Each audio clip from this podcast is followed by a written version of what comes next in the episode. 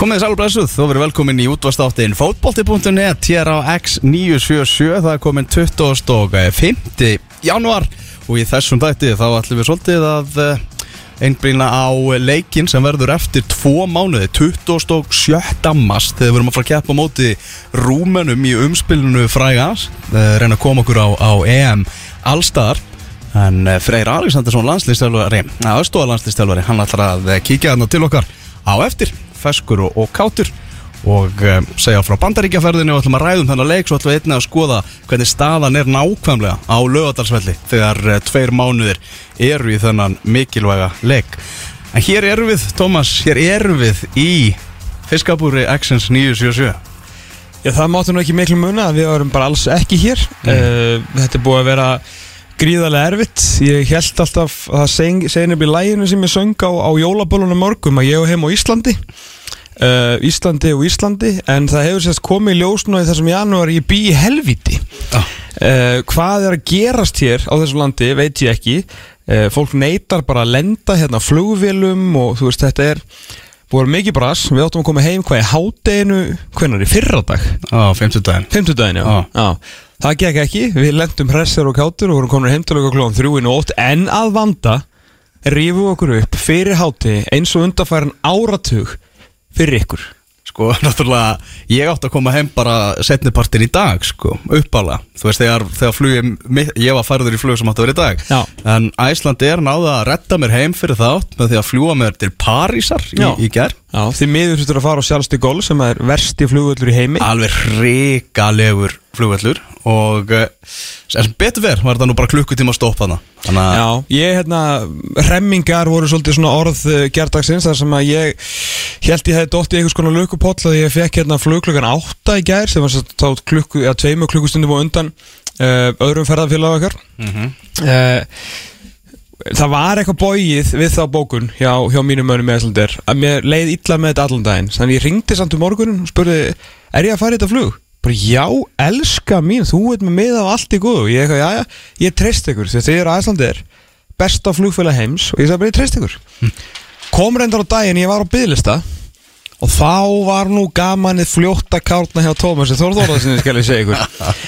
En þá ég og talaði við besta þjónustu fulltrúa yfir öll fyrirtæki í heiminum og geiminum græjaði mig í fuguglan 10 straujaði mig með þess að upp á sagaglas þar sem að það var reyndar ekki neitt eitthvað uppgreitt það var bara eina sæti sem var löst og sendi mig heim þannig að Ah. ég var komin upp í bara til sunnuminnar bara um þrjú í nótt og kann ég þessari konu bestu þakkir Já, við hefum nú áður komið svona illa sopnir uh, bara nýkomnir að en þá að ekki utan. Nei, þetta var ekki úrillir Þá komum við með þrjú stig frá Tyrklandi. Eins og við höfum lofað ég er svona fimm mánuði á undan. Ákala og bara mættu nánast beint í þáttinn eftir, eftir flugið. Já ég held að ég svo við svona hálftíma þá sko. Ah. þá var náttúrulega gleðin við völd sko. Hún var tömlaus Já, nú vorum við í handbóltaferð og það er ótt að segja það að, að, að það er lítið verið af handbóltastegum að, að þessu sinni Já, já, svo sannlega við, eh, við náttúrulega vorum sko yfir peppaðir eins og öll þjóðin eftir uh, sigurinn á, á Rúslandi og svona, þannig að við ákvæðum að skella okkur hann út, fengum ekki mikið af handbóltastegum, ekki heldur mikið af handbóltamörkum og Ah. uh, það var nú bara svona, það var lítið um gleði almennt sko, svona inn á handbóltavellum sko tömlaus gleði hjá okkur sko, það var nú bara að segja þetta alveg svo er ég var mjög ánægð með þetta. Þetta var náttúrulega svona orðið svona hálfpartin svona, það var svona, svona smá villisisgangur hérna í, í svíjaleiknum Ok. okay. það sem að voru nú Kilur, það var nú einhverja svona konu leikmanna sem voru nú bara með okkur og barnum í setna áleiki stæði fyrir að horfa á strákana sína sko en þeim er fullkonlega fyrirgefið fyrir það sko Já, við vorum farin að setja saman plan B við myndum ekki komast í þáttinn og, og, og þá var bara veist, bennu okkar að sjálfsögða að retta okkur með, með einhverjum hætti og, og bennu er bara hingað mættur. Verðum þrýr í dag. Já, ég er náttúrulega hérna, var búinn að ræsa uh, bakvaktina út uh, mig og Mána, Máni var svona þokkalega reddi í þetta, helst ekki en til. Já, hann er, alltaf að bjarga strákuna hann, þarf alltaf að bjarga flagskipur Já, ég, ég, einmitt-. Já, ég sagði við hann að, að hérna, stærsti og vinsalasti þáttur að stöðvarinnar hann myndi nú fara í loftið með einhverjum hætti. Þú að tala um sínar bara ekki? Jú, í rauninni. Já. Flagskipið og hérna hann var, hann var svona eh, tilbúin að vera á tökkunum og ég, ég get viðurkennt það að ég hafði lúmst gaman af því að fylgjast með hvort þið væruð að að koma eða ekki og hvernig staðan væri og þegar að Elvar var komin byrtist allt í unnu í Fraklandi þá, þá fannst mér eh, Sérstaklega sem við fórum jú til uh, Malmö sem Já. er alls ekki í Fraklandi og í einföldustu ferð já bara mannkynnsugunar og ég Ég held hérna að pakkaferðir ætti að vera auðveldar en þetta sko Já, ég held náttúrulega sko og ég sendi alla mína öfund uh, eftir rúsaleikin á ykkur þar sem að þið stukkuðum borði í vagnin og, og voruð að fara og, og hérna mm, já, ég hugsaði ykkur alveg þegjandi föruna en Ég myndi alveg gera það ennþá sko já, já, já, ég Þrátt fyrir hennan svona loka dag sem var, það var hann langur og erfiður sko en Já, en samt Sí- síðan gleðin af vopni Já. er allt hægt sko Svo Og þegar maður lendi í þessari stórhrýt bara í nótt og hugsa maður bara hérna eigum við bara í alvörunni heima sko. Já. Já, en sem er mjög skemmtileg tenging síðan inn á blessaðan þjóðarleikungin Já. Af því að eh, við erum svona vorum að vonast til þess að hérna er þið skaplegur vetur Mm. í, í ljósið þess að sömari var stórbrótið við guðarnir ákveðu bara ekki bara kýla okkur í magan þau eru bara með okkur í kafi þú veist það er bara að drekja okkur sko. uh, þú veist þetta er að fara úr Þetta er eitthvað svona headlock Heitir það ekki? Já, þetta, sko, hellokk væri svona, þú veist, vondviður Já, Þetta er bara morðtilrun ekki já, bara já. tilraun, ég meina þú veist, það er búið Hvað er margir búin að deyja í síðustu þrjárvíkunar? Allt og margir sko. Þetta er bara, bara la- lasið, sko. Þetta er bara svo var, hættunum það, var genuinely fólk úti sko. Var Það var ykkur par sko. Ég sem var að skoða hérna Finnu já, Herra það var svo kallt og þau dóu. Já Og hérna bara búið við. Já, já. Herra við ætlum að að spila fótboltaleik Eftir 60 daga við eh, Rúmeníu. Mm. Eh, til þess að kunna koma okkur í úslitaleikin um að komast síðan á EM allstaðar mótið sem við erum búin að býða eftir frá því að Platini fekk borgaðundir borðu til að uh, setja Djöðu fekk hann mikið borga já, gengur hindari er að hjóna núna en alltaf leið uh, og hvað var satt? Fyrir tveimur árum þá hefði við getað þetta ekki, var ekki, ekki síðasta vitur en fyrir tveimur árum, var ekki eitthvað þannig að það var öfugt. Myndur á Steinarsson var, var ekki Var síðasti vetur sem var- Vetur frekar mildur. Já, Jú. og veitur nú undan því.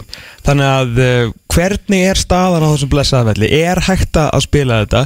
Er KSI í alvörunni bara eru þið sjokki núna að það muni kosta peninga að spila en leik? Þessi frétt þarna með svo 70 miljonum við glemdum að ræða þetta hérna síðast. Nei, rætti þetta kannski síðast. Ég, Þetta var alveg bara, þetta mun hafa verulega áhrif á sambandið. Já. Já, já Enda er þið ekki búin að byggja nýjan völl? Nei, nei.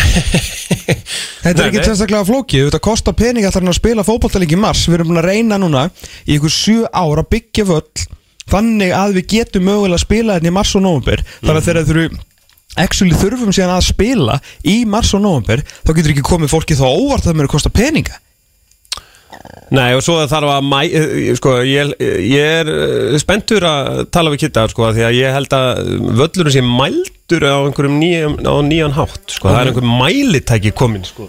Já, já En við allavega hérna leifum Freysa að tala um fótboltan og heyrum saman Kitta um, um vísindin Já, um vísindin. En hvernig svona, ef við förum aðeins til málmegar og, og þannig, hvað, hvað var hvað var svona eftirminnilegast úr þessari ferð? Var þetta góð ferð? Var þetta Frábær þú veist, ferð. Frábæferð Já, þrátt fyrir kannski úslitum voru ekkit góð hvernig var, hvernig var glerpúpin? Handboltaleikin Herðu, voru ekki, Já, Hann er úr plasti nei meikaði miklu meira sens. Já, En að, að veist hvað er sænst að það var að kaupa hana norrlenski guld Mm. sem er þess- þessi hana, bjór sem eru búin að að sjá upp í stúku. Það má ekki fara með í stúkuna, það var annars í konstað. Já. En við letum það nú ekki á okkur fá. Nei, nei, Við fundum leiði við fundum mjög góðar leiðir sko. uh, sagt, maður setti einn í vasan já. tók síðan svona tóman og þóttist drekka svona sopa þegar maður var leiðinu út af bjórsvæðinu. Mm. á hann eitthvað, nei, nei, nei indi, indi öl í, í Já, já. já, fyrirgefu, fyrirgefu kjalla og hendi ég bara beintur fram hann og lappaði bara með föllin skilur. Allt í leið en maður var ekki til einhverja vandara það samt sko. Nei, nei. herru, þa- það er hvað er sænst? Það er svona bjórsvæði Mm. skilur það sem allir voru, bara að fá sér púb og bara hafa gaman sko. Og hérna, góð stemning eins og alltaf í íslensku hópnum. Fyrir utan sagt, svæði sjálft Mm. var svona standur með norlenski gull Mm. en það var léttpúb það fannst mér sænst sko. Já, mjög sænst. Hérna, þetta var stórmót í handbólta, hérna, lærðu þið af einhverju umgjörðinni og allt þannig, hvernig er hægt að taka eitthvað? Sástu ekki spanska landslið hitta upp í fansónunni í gæri það? Að það var ekki til uppbytunasalur því að leik, leikurinn fór í tjóðaldrálingu Já, Þannig þeir voru bara hann að eitthvað skjóti keilur og þú veist fóru í þitokki og eitthvað. Þú veist, þetta var bara eitthvað, þú veist, í alvörni sko. En Það það var var, smá handbólt í þessu já, þannig allan að ég Mér veist ég nú upplega bara dörlu góða stemningu voru góður hérna og mikið, þetta var svona heill ringur mm. og þetta var svona svipað eins og ég upplýði munn hérna fyrra. Það var svona sami, skilur sama búlan þess að fengið skilur pulsu og snakka og svona, Mm. alveg á bara 15 metra fresti skilur þannig það var bara alvöru höll eins og við Já. okkur langar að eiga. Þannig að það var aldrei, þú veit aldrei að býða ykkur í röð og bara, þetta allt til stakra fyrirmyndar hann á málmeð sko. Enda, já, já, já, ok Alright að stemmingin í sko miðbænum hvorki í, í, í Malmö nýja í Kaupmannahöfn voru eitthvað að segja manni að það væri stórmót í handbólta sem var í gangi hérna í, í, í bæjunum sko. Já, ok. Það tók bara ekkert eftir því sko. Það kom meira óvarsand á málmeð þar sem að, hérna, náttúrulega svíjarnir voru nú hann í millirili sko. Já, ég sá ekki sko fána snifti í miðbænum sko. Já, ok. Já, þetta er svona En akkur voru svíjarnir að spila þannig? Eða, þú veist, er handbólti stóri í málmi? Nei, ekki, þeir eru með, það er Malmö með lið sko, ég held sér alveg bara þegar Malmö rýna þessu glæslega sko. Já.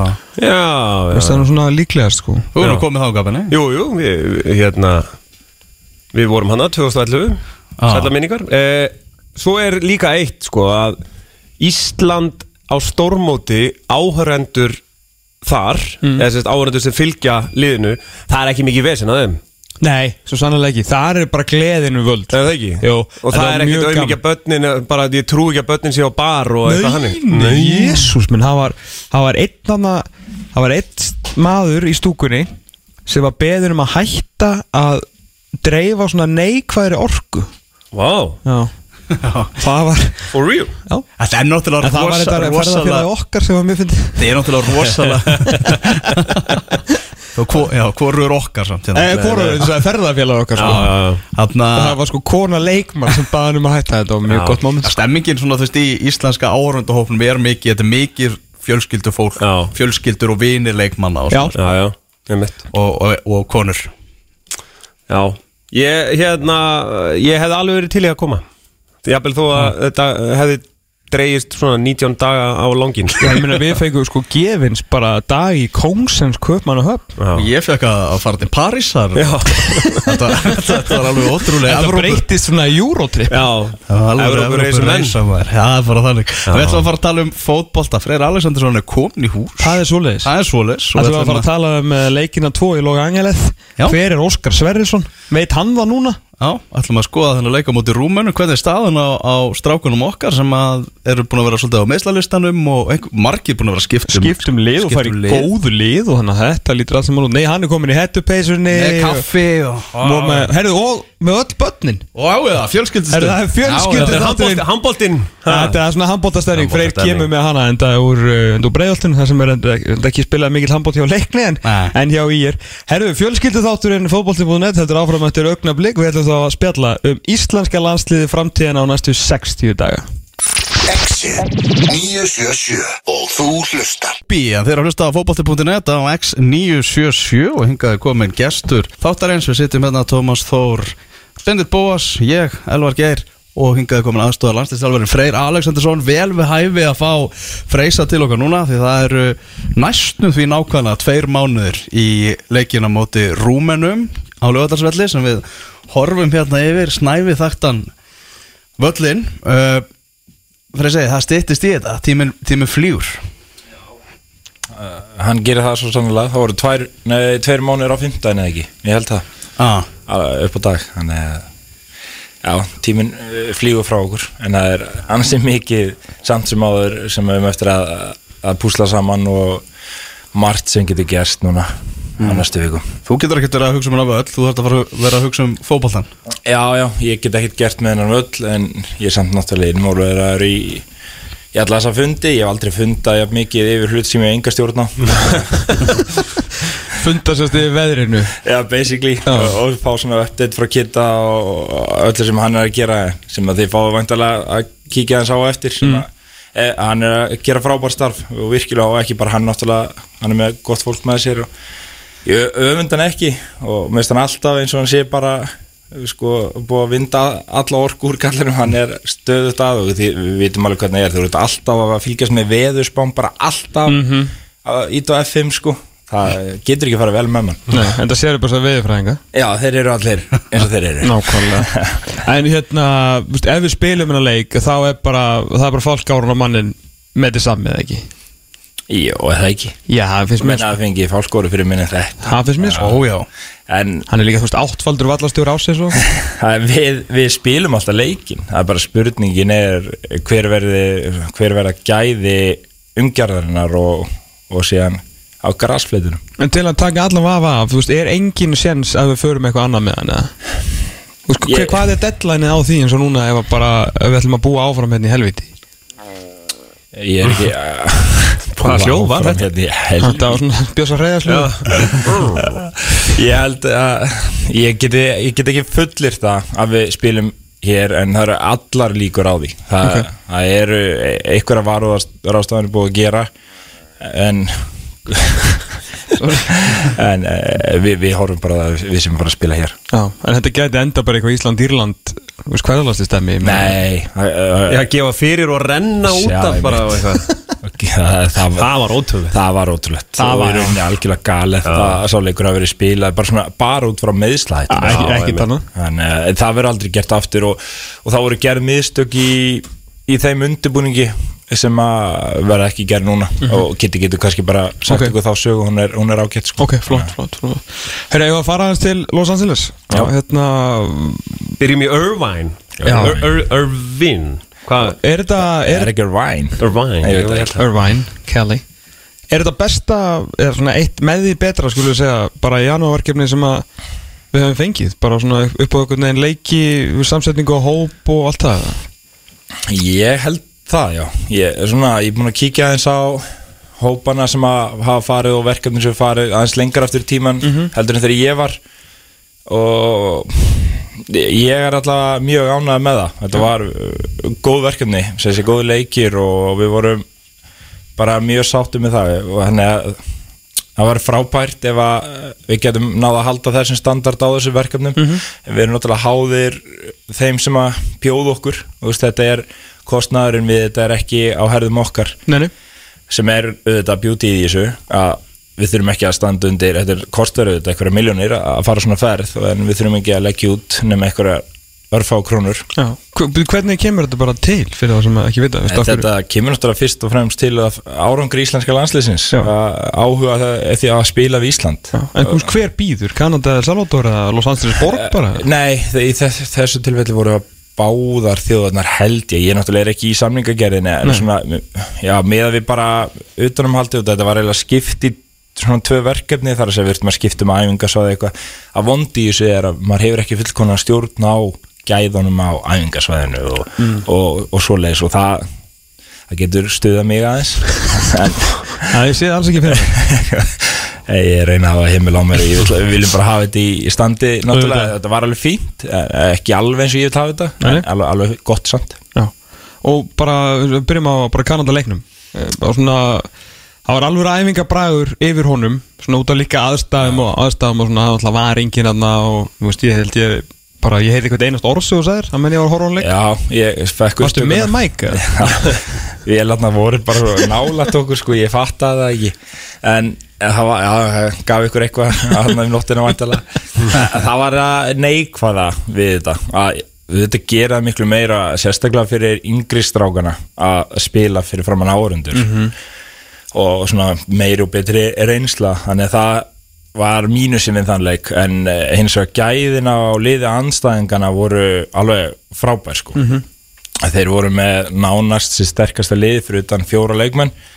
Og urða að vinna leikin þeir eru í ykkur svona skrítnum móti að sapna styrkleikastegum fyrir kongaví ég, ég get ekki útskjöld þú veist kannski meira um þetta en ég Nei, ég bara las svona nýju greinar og ég bara, ok, Já. þetta Þú veist að Norður Ameríkumenn að reyna að spila knattspilnu Já, sko? þetta skipti þá máli um sko. að Kanada var að reyna að ná El Salvador Akkurat. einhvern veginn í stigum Já. en hvaða stigum er ég bara ekki viss og, og þetta er ekkert smá mikið undir þegar Já. þetta snýst um að komast í umspil fyrir HM22 sko. Þannig að ég þekki þjálfara hjá Kanada, hann er englendingur hann saði nákvæmlega sama þú Tómi þetta er bara bandaríkja menn að reyna að spila fótbolta. Og ég, ég gati ekki hann að hleyja hann er búin að vera þannig núna í fimm ár sko, toppmaður. Já. En hvað er svona voru hann að fá út úr til þessum leiknum bara eins og með, með samsetningur í? Menna, þú veist, hann er spilað báðaleikina Kári starta báða, ég veit um er svona, þú veist, reyna, varstu að hafa ykkur smá þá reynslu í kringum svona mögulegar, Já. mögulega menn sem getur dott inn í þetta, var það stóra pælingin eða? Eh, eins og þú sagði ráðan samsetningin og hópnum var frábær og ég óskaði þess að við gætum oftar gert þetta svona, ég er ekki viss um að fáum aftur svona tækifæri Nei. að hafa menn eins og Kára, Kolla Hannes Birki Hólmar Kjartan Henry er Já. Viðar búinn að vera lengi í liðinu. Viðar þetta líka þetta, þetta er ro- rosalega stert fyrir yngri og óreindari strákan að vera með þessa sko, reynslu miklu leikmenn. Þetta eru líka allir, eða margir þeim risastóri leiðtóar, þannig að það var algjör beauty. Uh, og óskend að það geti komið upp aftur en, en hérna það sem við vorum að reyna að gera var sko þetta var eiginlega þrýþætt verkefni. Það var annars vegar bara með fókus á umspil núna fyrir þá þessa byrjunliðsmenn eh, þá sem er í kringum aðaliðshópin okkar að gefa þeim grasleiki á eins góðu tempo og hægt væri og líka starta prísísuna þeirra af, af svona ákveðni festu um, bæði inn á vellinum og líka í gegnum meðferðir sjúkaraþjálfara og fitnessþjálfara. Já. það var mjög stert svo var þetta líka fókus á að gefa mönnum sjens á að komast í púljuna. Og það til dæmis Kjartan Henry sem hefur ekki komist inn síðan Erik tók við og, og fleiri svona sem að hafa alveg erindi og mikilvægt verið þá. Og svo fókus kannski til 2022 og við þurfum að fara eigna stráka sem geta tekið við og sjá hverjir svona e, eru næsti núna og mögulega íta við ykkur um að geta tekið skrefið fram á við. Því að og við sáum það í þessum, þessu verkefni. Það voru strákar og eru strákar þarna sem eru kannski ekki staðsettir þar á ferlinum að, að þeir verði í nægilega góðu umhverju til að taka við af þessari, hvað, auðvitað okkur að kalla þetta gull kynnslóð okkar bara. En kannski hjálpum við þeim aðeins og, og við þurfum á því að halda. Það er, það er bara þannig, við þurfum að koma leikmunum á eins gott level og, og kostur er á Já, ég myndi segja að það er líka bara eins og strákur eins og Aron Elís mm.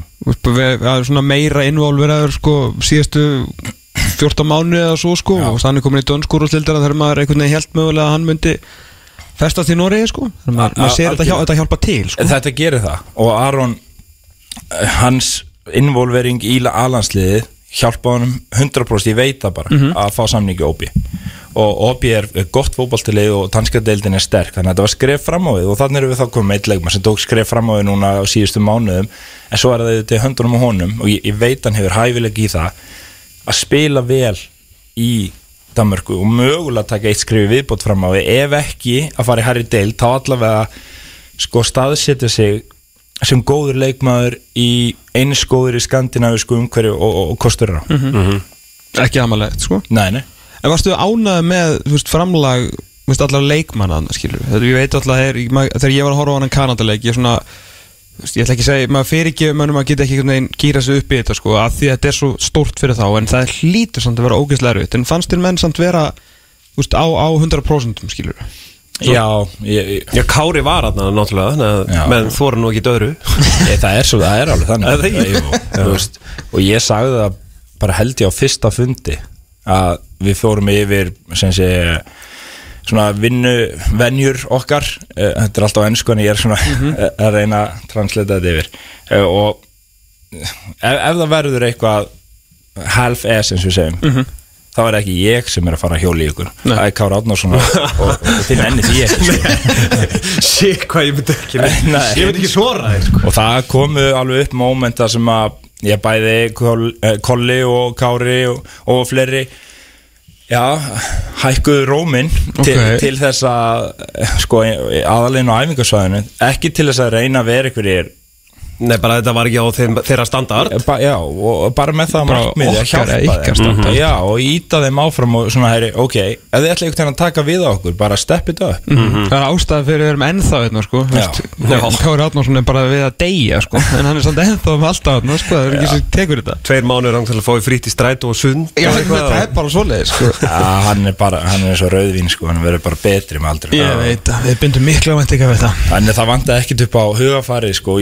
það á dáðist alveg að eh, strákunum, eldri strákunum að hvernig þið nálguðist verkefni það hefði verið alveg auðvelt að þetta í eitthvað komfort svona og nennis ekki hálfur. Það, hef, það var alveg eins og talar um bara umgjörn í leiknum. Að þau eru að móti verið sér upp í þetta. Þetta er bara ekki, ekki sjálfsagt og, og þeir gerðu það frábærlega og hjálpuðu þessum yngri á sama tíma að, að þessir yngri óreyndu við íttum þeim líka aðeins út úr bóksunum við, við nefndum ekki að fá þá bara sem einhverja klappara þarna og einhverja feimnar mís. Þeir þurftu bara að láta til sín taka og, og sína eitthvað og, og þeir gerðu það langt flestir og, og það var bara mjög jákvæmt Já, líka setni hálfleikurinn sem mútið kanta á þurftu líka bara að gera það sem við gerum að, að verja svolítið sko sem var bara mjög jákvæmt Já. og eitt af því sem við sögðum við ætlum að vinna báleikina og þegar við lendum í þessum hérna svona já, erfiðu köplum, klórið ykkur út í því Mhm. við erum meistarið því. Við þurfum að klóra okkur út úr þessu bara berjast fyrir því að ná í þess að þrjá ímynduðu punta. Já. og það var gert og meira sér að letu á að kveljast aðeins. Við spilum, letu á að spila 4-4-2 í báðleikunum bara til þess að læra 4-4-2 sve, svenska stíl. Og, og þeir fengu það beint í æð sko taktist ef þetta hefði verið leikur upp á stig þá hefði við breytt um leikkerfi á móti Kanadi setnáleik af því að þeir yfirmönnu okkur svo rosalegin um miðsvæðinu. Við letu þá takast á við þetta og eins og fyrir Aron Elís og, og Alex og sendirna tvo sem kom inn ungu Flóka og, og Óttar Magnús. Þetta var mjög krefindi fyrir þá en óbúslega góð reynsla líka. Já. Eh, 60 dagar í, í, í stóru stundina hvernig hérna uh, standið á, á okkar mönnum. Uh, náttúrulega Jói bara strax með afturmittur en, enn og aftur búin að sjá mikilvæg hans í liðinu eða meira þegar hann er ekki með nána sko eins og hefur nú komið fram. Alfreð ekki að þá komin á á öxl, hann er komin á lappir ekki á öxl, veistu hvað um Alfreð? Já, þetta gengur vel hjá Alfreð og Mér finnst alltaf svo áspór sér að ljúga því að hann sé að fara að spila næsta leik og maður er alltaf mega peppar og svo er hann aldrei í hóp. Nei, það, það er ekki alveg á dagskráðan sem að fara að spila næsta leik en hann verður byrjað að spila áður en umspilið á sér stað. Ok, Þannig að við svona bara leifum þessu að vera í því ferli sem það á að vera og, og Alfreð er náttúrulega mikill atvinnumæður, hugsa vel um sig og, og við treystum honum 100% og þetta snýst í hans tilfelli um að hann meðist ekki aftur. Já, það er bara eitthvað sem er rosalega erfitt að stjórna í kontakt íþrótt ja, bara eins og veðrið. Já, nánast. Þetta er sko, maður alltaf, þú veist, ég hef náttúrulega oft talað um það hvað eru bara marga mýlur á þessum strákum? Það er ástæða fyrir eru svona góðir þeir eru búin að spila alvöru fótbolta frá þeir voru bara krakkar. Ég meina Jói Berg var að veist, rústa Pepsi Max dildinni 16 ára Aron var í championship 12 ára þú veist, Gilvi var komið til Rúsböri það er ógeðslega marga mýlur á þessum tank sko, fyrir utan allt sem er að gert fyrir okkur. Þetta verður, eins og við séð hefur þetta verið erfitt og þetta verður mögulega bara erfiðast árið fyrir ykkur að halda þeim á löpum sko. þeir eru ekkert að yngjast þessi drókar sko. ég er ekki að segja þessi komnir eitthvað, voru eitthvað voða gamlir Nei. en þeir eru drullu gamlir í fótboltárum sko. Já, þeir, þeir, það er alveg rétt sem þú ert að segja þeir byrjuðu að spila ungir en það gerði þá líka svona góðu leikmenn nákvæmlega, þeir eru notið góðsæði sko. Já, og, og við erum kannski að finna svolítið fyrir því og eh, veist, við vitum allir, við fundum fyrir á síðast ári mm að mikið meðsli búin að vera mei, e, í rauninni er þetta ekkert óeðlegt þetta er bara það sem var búið að vera undan hjá okkur. Það, Það var í rauninni óeðlegt það voru allir heilir alltaf. Þannig að við erum bara að díla við kannski eitthvað sem að myndi kallast eðlilegt annar staðar. Um, við erum komnir út úr þessum skap, svona kabla ráð ekki við þetta. Það, við erum búinir að sem sé já, er einni raunni ná betri hlutfarslu um árangri heldur en maður átti að segja á.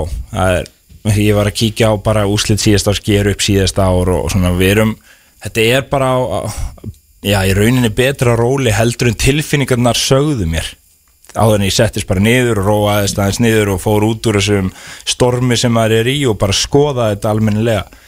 Og eins og staðinu núna þá er Erik Hamren með 42% vinningslutal sem landslýstilvari Mhm. það, ég, ég var ekki alveg með þetta bara á hreinu sko.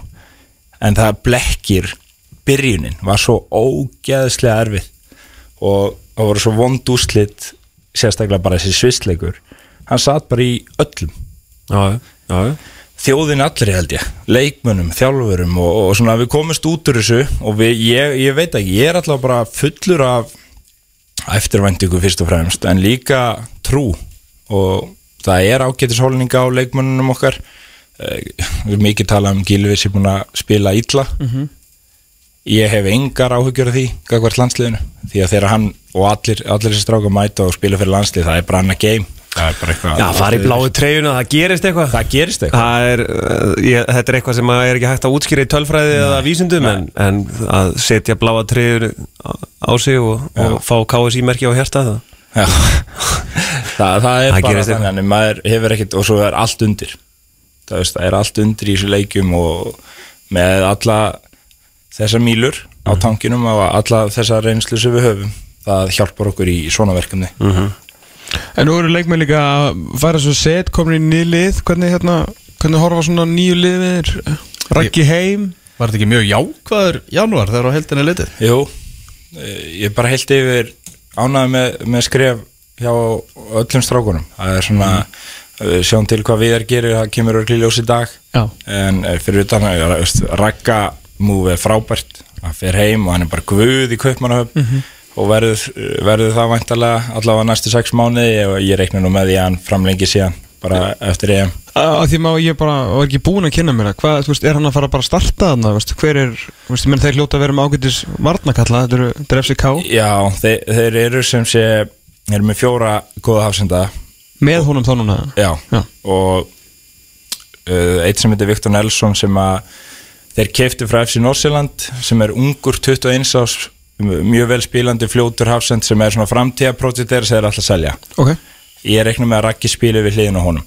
Af því að það var annar eldri sem er einur yngri en Raggi sem að- heitir Andreas Bjelland sem er launaðist í leikmaður liðsins. Hann er búin að vera meittu núna í 8 mánuði. Mm. og æ, ég sé það ekkert að hann sé að fara að koma tilbaka en, en það útskýri kannski af hverju Raggi fekk bara 6 mánuða samning.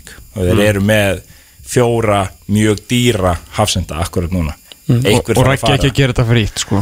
Nei, alveg fyrir ekki sko. og hefur einmitt unnið sér inn fyrir því en, en samt sem áður, mér fannst það jákvæmt að finna það að Ragnar valdi það að fara í FC Kaupmannöfn á ástriðu hann, hann hafði alveg möguleika að velja peningana mm. -hmm. einhvers þar annars þar í heiminum en þarna mun hann líða vel og hann mun spila vel Já. Björn Bergmann Ábel það var hérna klárt það er náttúrulega svona svona furðuleg deild náttúrulega kannski að mörgu leiti sko. Já, Svona, ég- Kári talar nú ekkert eitthvað rosalega vel um hana en Nei, ég er ekki hrifin dildinni, ég er alveg heiðileg með það en þetta er góðu klúpur og það sem skiptir mestu máli þessu er að Björn Bergmann fær þarna þjálfara sem þekkir hann vel. Já. uh, sem að Ingi Brandsen sem að var að þjálfa mitt Ara hætti þar til að fara til Apol. Já. og normaður sem að bara hann reyndi að fá Bjössa til til hérna uh, Ústeinstad fyrst og svo bara fyrsta sem hann gerði þegar hann kom til Apol var að reyna að fá hann þangað og það gekk og Já, ok, þannig að hann svona er að koma í umhverju sem hann, það sem að þjálfarinn treystir og, vill það sem að Já. þjálfarinn er að sækja hann. ekki sportdirektorinn eða er bara þjálfarinn vill Já. hann og það er mjög mjög góð teiknum bara fyrst og fremst fyrir hann að vera heill Já. Mhm. og svo bara náttúrulega Emil kannski þetta er ekkert vandalega hoppandi kátur hans að fara niður í sételd en hann hefur svo sem verið að ráður og hann er kannski ekki að fara að læra neitt mikið meira í fótboltaði kannski snýst það meira um að hann sé bara á fótum og í spilformi eða? Til að geta það er hjálpað akkurat ykkur málið og ég er búin að horfa núna tvo leiki og þetta er miklu betri standard á sem ég held ég, Ok. ég hef verið bara vera alveg heiðalegu með það þannig að hann er búin að fá núna 90 mínútur sinni fjórir sem er frábært, það er aðalmáli hann eins og þú segir Tom, hann er ekkert að fara að læra eitthvað nýtt í fótballta sko, hann þarf bara að vera að æfa vel og, og spila. Hann bara verið í fótboltaformi? Já, nákvæmlega. Já. Þannig að það er bara samt í umgjör sem er nú eitthvað alvöru sko. Æ, menn, það er einmitt það sem komur óvart. Já. Þetta eru bara alvöru stadiums og, og fínt tempo og, svo góði leikmenn. Miklu betri leikmenn heldur en ég gerði mig grein fyrir. Þannig að bara, já, þetta er ekki best í heimi að fara í, í sétild í Ítalíu En þetta er betri en ég átti vona og, og al, bara jákvætt og, og svo náttúrulega Birkir til breytt segja að það er mjög gott svo lengi sem hann spilar. Hann spilaði ekki gær. Þannig að það var svona á- ákveðið svekkelsi því að hann kom inn á í hálfleiki í, í fyrsta leiknum sínum. En uh, við sjáum uh, hvað gerist næstu helgi. Eitt, eitt á að vera staði í jarnvaglugunum náttúrulega Samuel Kári. Já, já, hvað? Til Paderborn Hann er orðin komin í Já, Já. Það er stórt. Það er mjög stórt og bara mjög spennandi og Paderborn fellur kannski. Þú veist, þeir eru fallbaróttu í búndislíkunni Já, hann það er vestafalli í Bundesliga 2 sko. nákvæmlega, þannig að það er ekkert ég sagði þegar hann hringdi í mig og, og, og hann átti sé að koma með okkur til LA en þá er þetta alltaf gerast og, og það er að leiðandi fyrir að ræða þetta og, og það var nákvæmlega sem ég sagði við hann þú ferð og ef þú spilar í búndislíkunni þá er það fyrr en hann átti vona á og ef hann fer niður þá er það nú engin heimsendur að spila í næstu þessu deildi í Þísklandi emitt, akkurat. Langt frá því. Er, ég, ég þekki bara Patibón lítið. Er þetta stórtlið, þú veist, er þetta 20.000 manna völlur eða hvað? Í völlurinn er eitthvað svo leis Ég þekki þá aðeins út af uh, munnið eftir gæjunum í hjálmin í albanska landsliðinu. Og Já. djúpi miðumar, já, hann spilaðar mm. Ég var aðeins að, aðeins að skoða hann. Og þá sk- sá ég þá spila og, og, og svona, neða, bara, já, alveg glúpur en ekki stór á þýskamæla hverja Nei, nei, nei Hvað er, þú veist, Samuel Kári í, dag? Er, er hann bara alvöru defensífi miðjumæður eða hvað svona um, hjá Viking uh, hann var láni á Viking frá mm. Volrenga og var hann átta hann Ok. er náttúrulega mikið mótor þess að getur hlaupið Já. völlin rosalega mikið og á háu tempói ég held samt að sé ekki alveg víst hvort hann verði box í box eða, eða djúpum miðumæður það, það þróast kannski líka bara með þjálfvarunum og leikstilum sem hann spilar og hann er fjölhafur Hann tók 3-6 hann gerir það. Mér, ég er svona Ég var að lesa aðeins í það sko.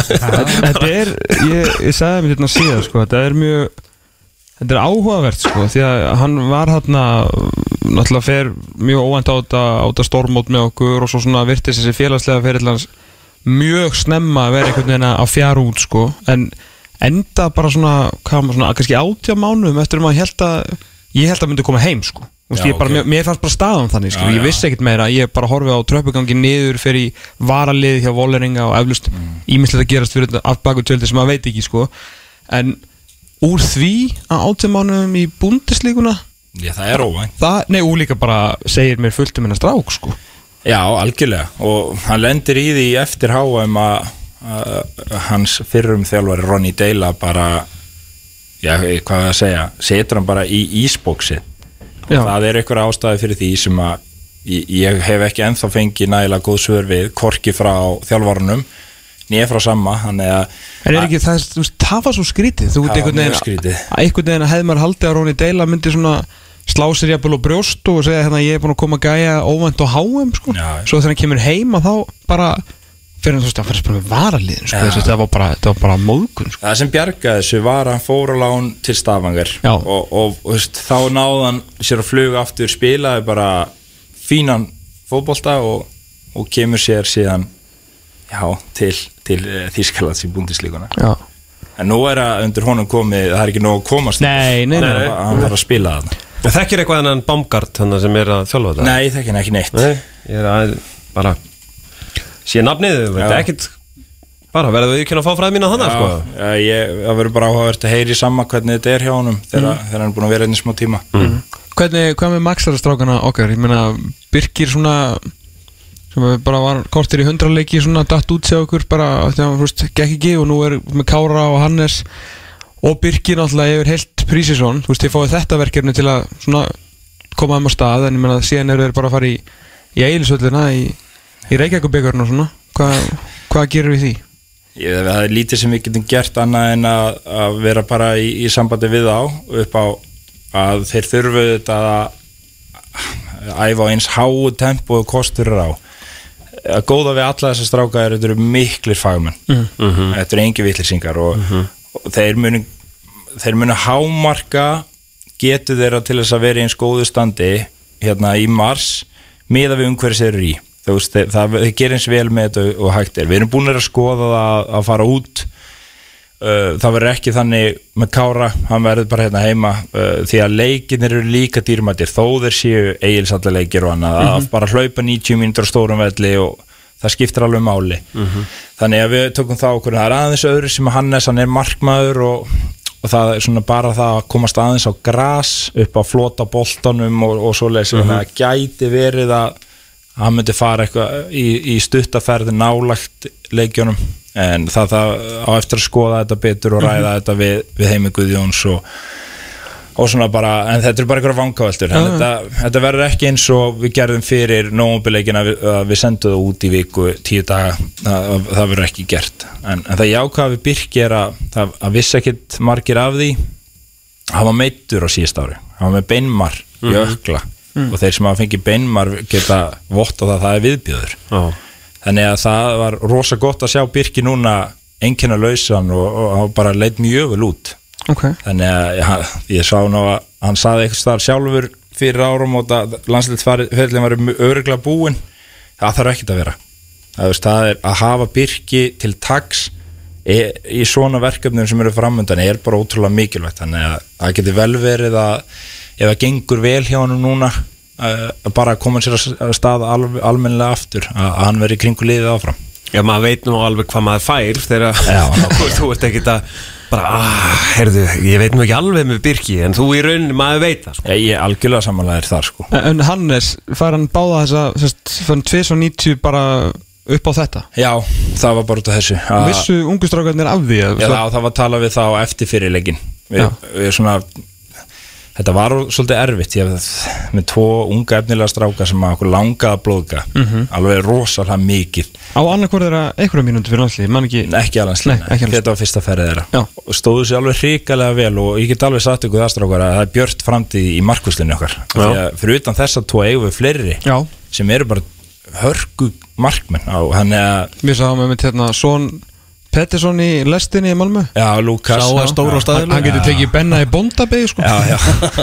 Hann er Hann rosalur er sko. rosalur, Já. já. Svo er hann tæknilega góð líka sko. Hann er alltaf alast upp í svakalu umhverju sko, Í var- markvarað umhverju sko. Þegar ég var að vinna í val og var ég með sjöndaflokk með mestraloknum Hann var þar hjá mér, hann var útispilari þá. Já, mann Þannig því. að bara hörku fótbolta Já, ok.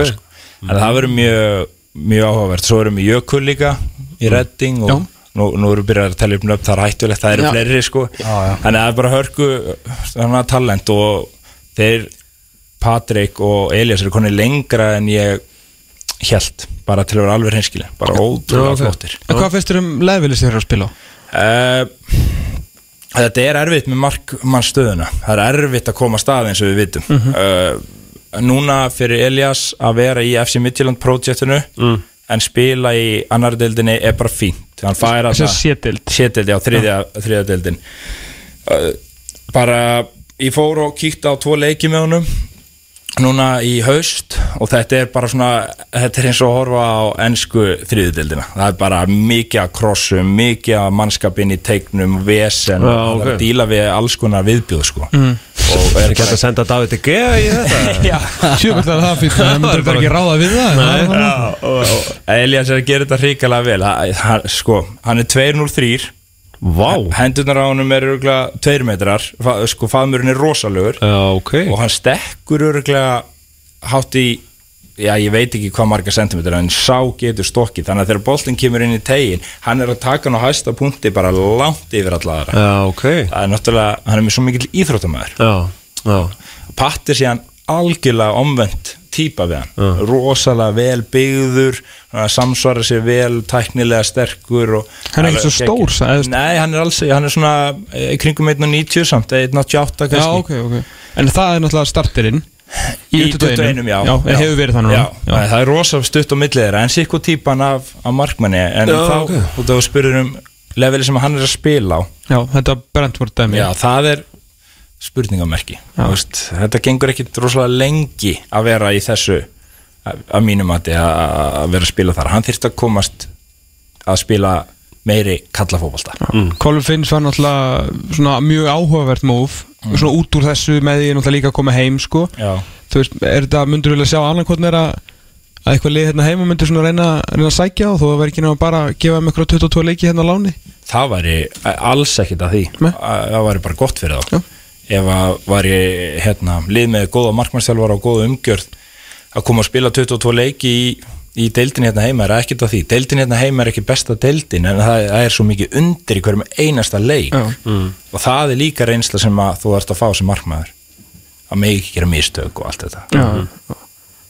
þannig að þú ert með sko, þú varst með alltaf fasta varamenn Þú veist, ég fyrir á aftan hann eða sko. Já. Svo varstu búin að, eða þið, náttúrulega búin að finna þarna nýjan í Danmörku og þá var eitt dottin út og það var allt vittlistu við því. Skilur, er þetta hjá alla bara hjá fjölskyldurars Síðan kom hann aftur. Nú er sko ha- ömmi að spila frábælega Yngvar einhvern veginn komin heim.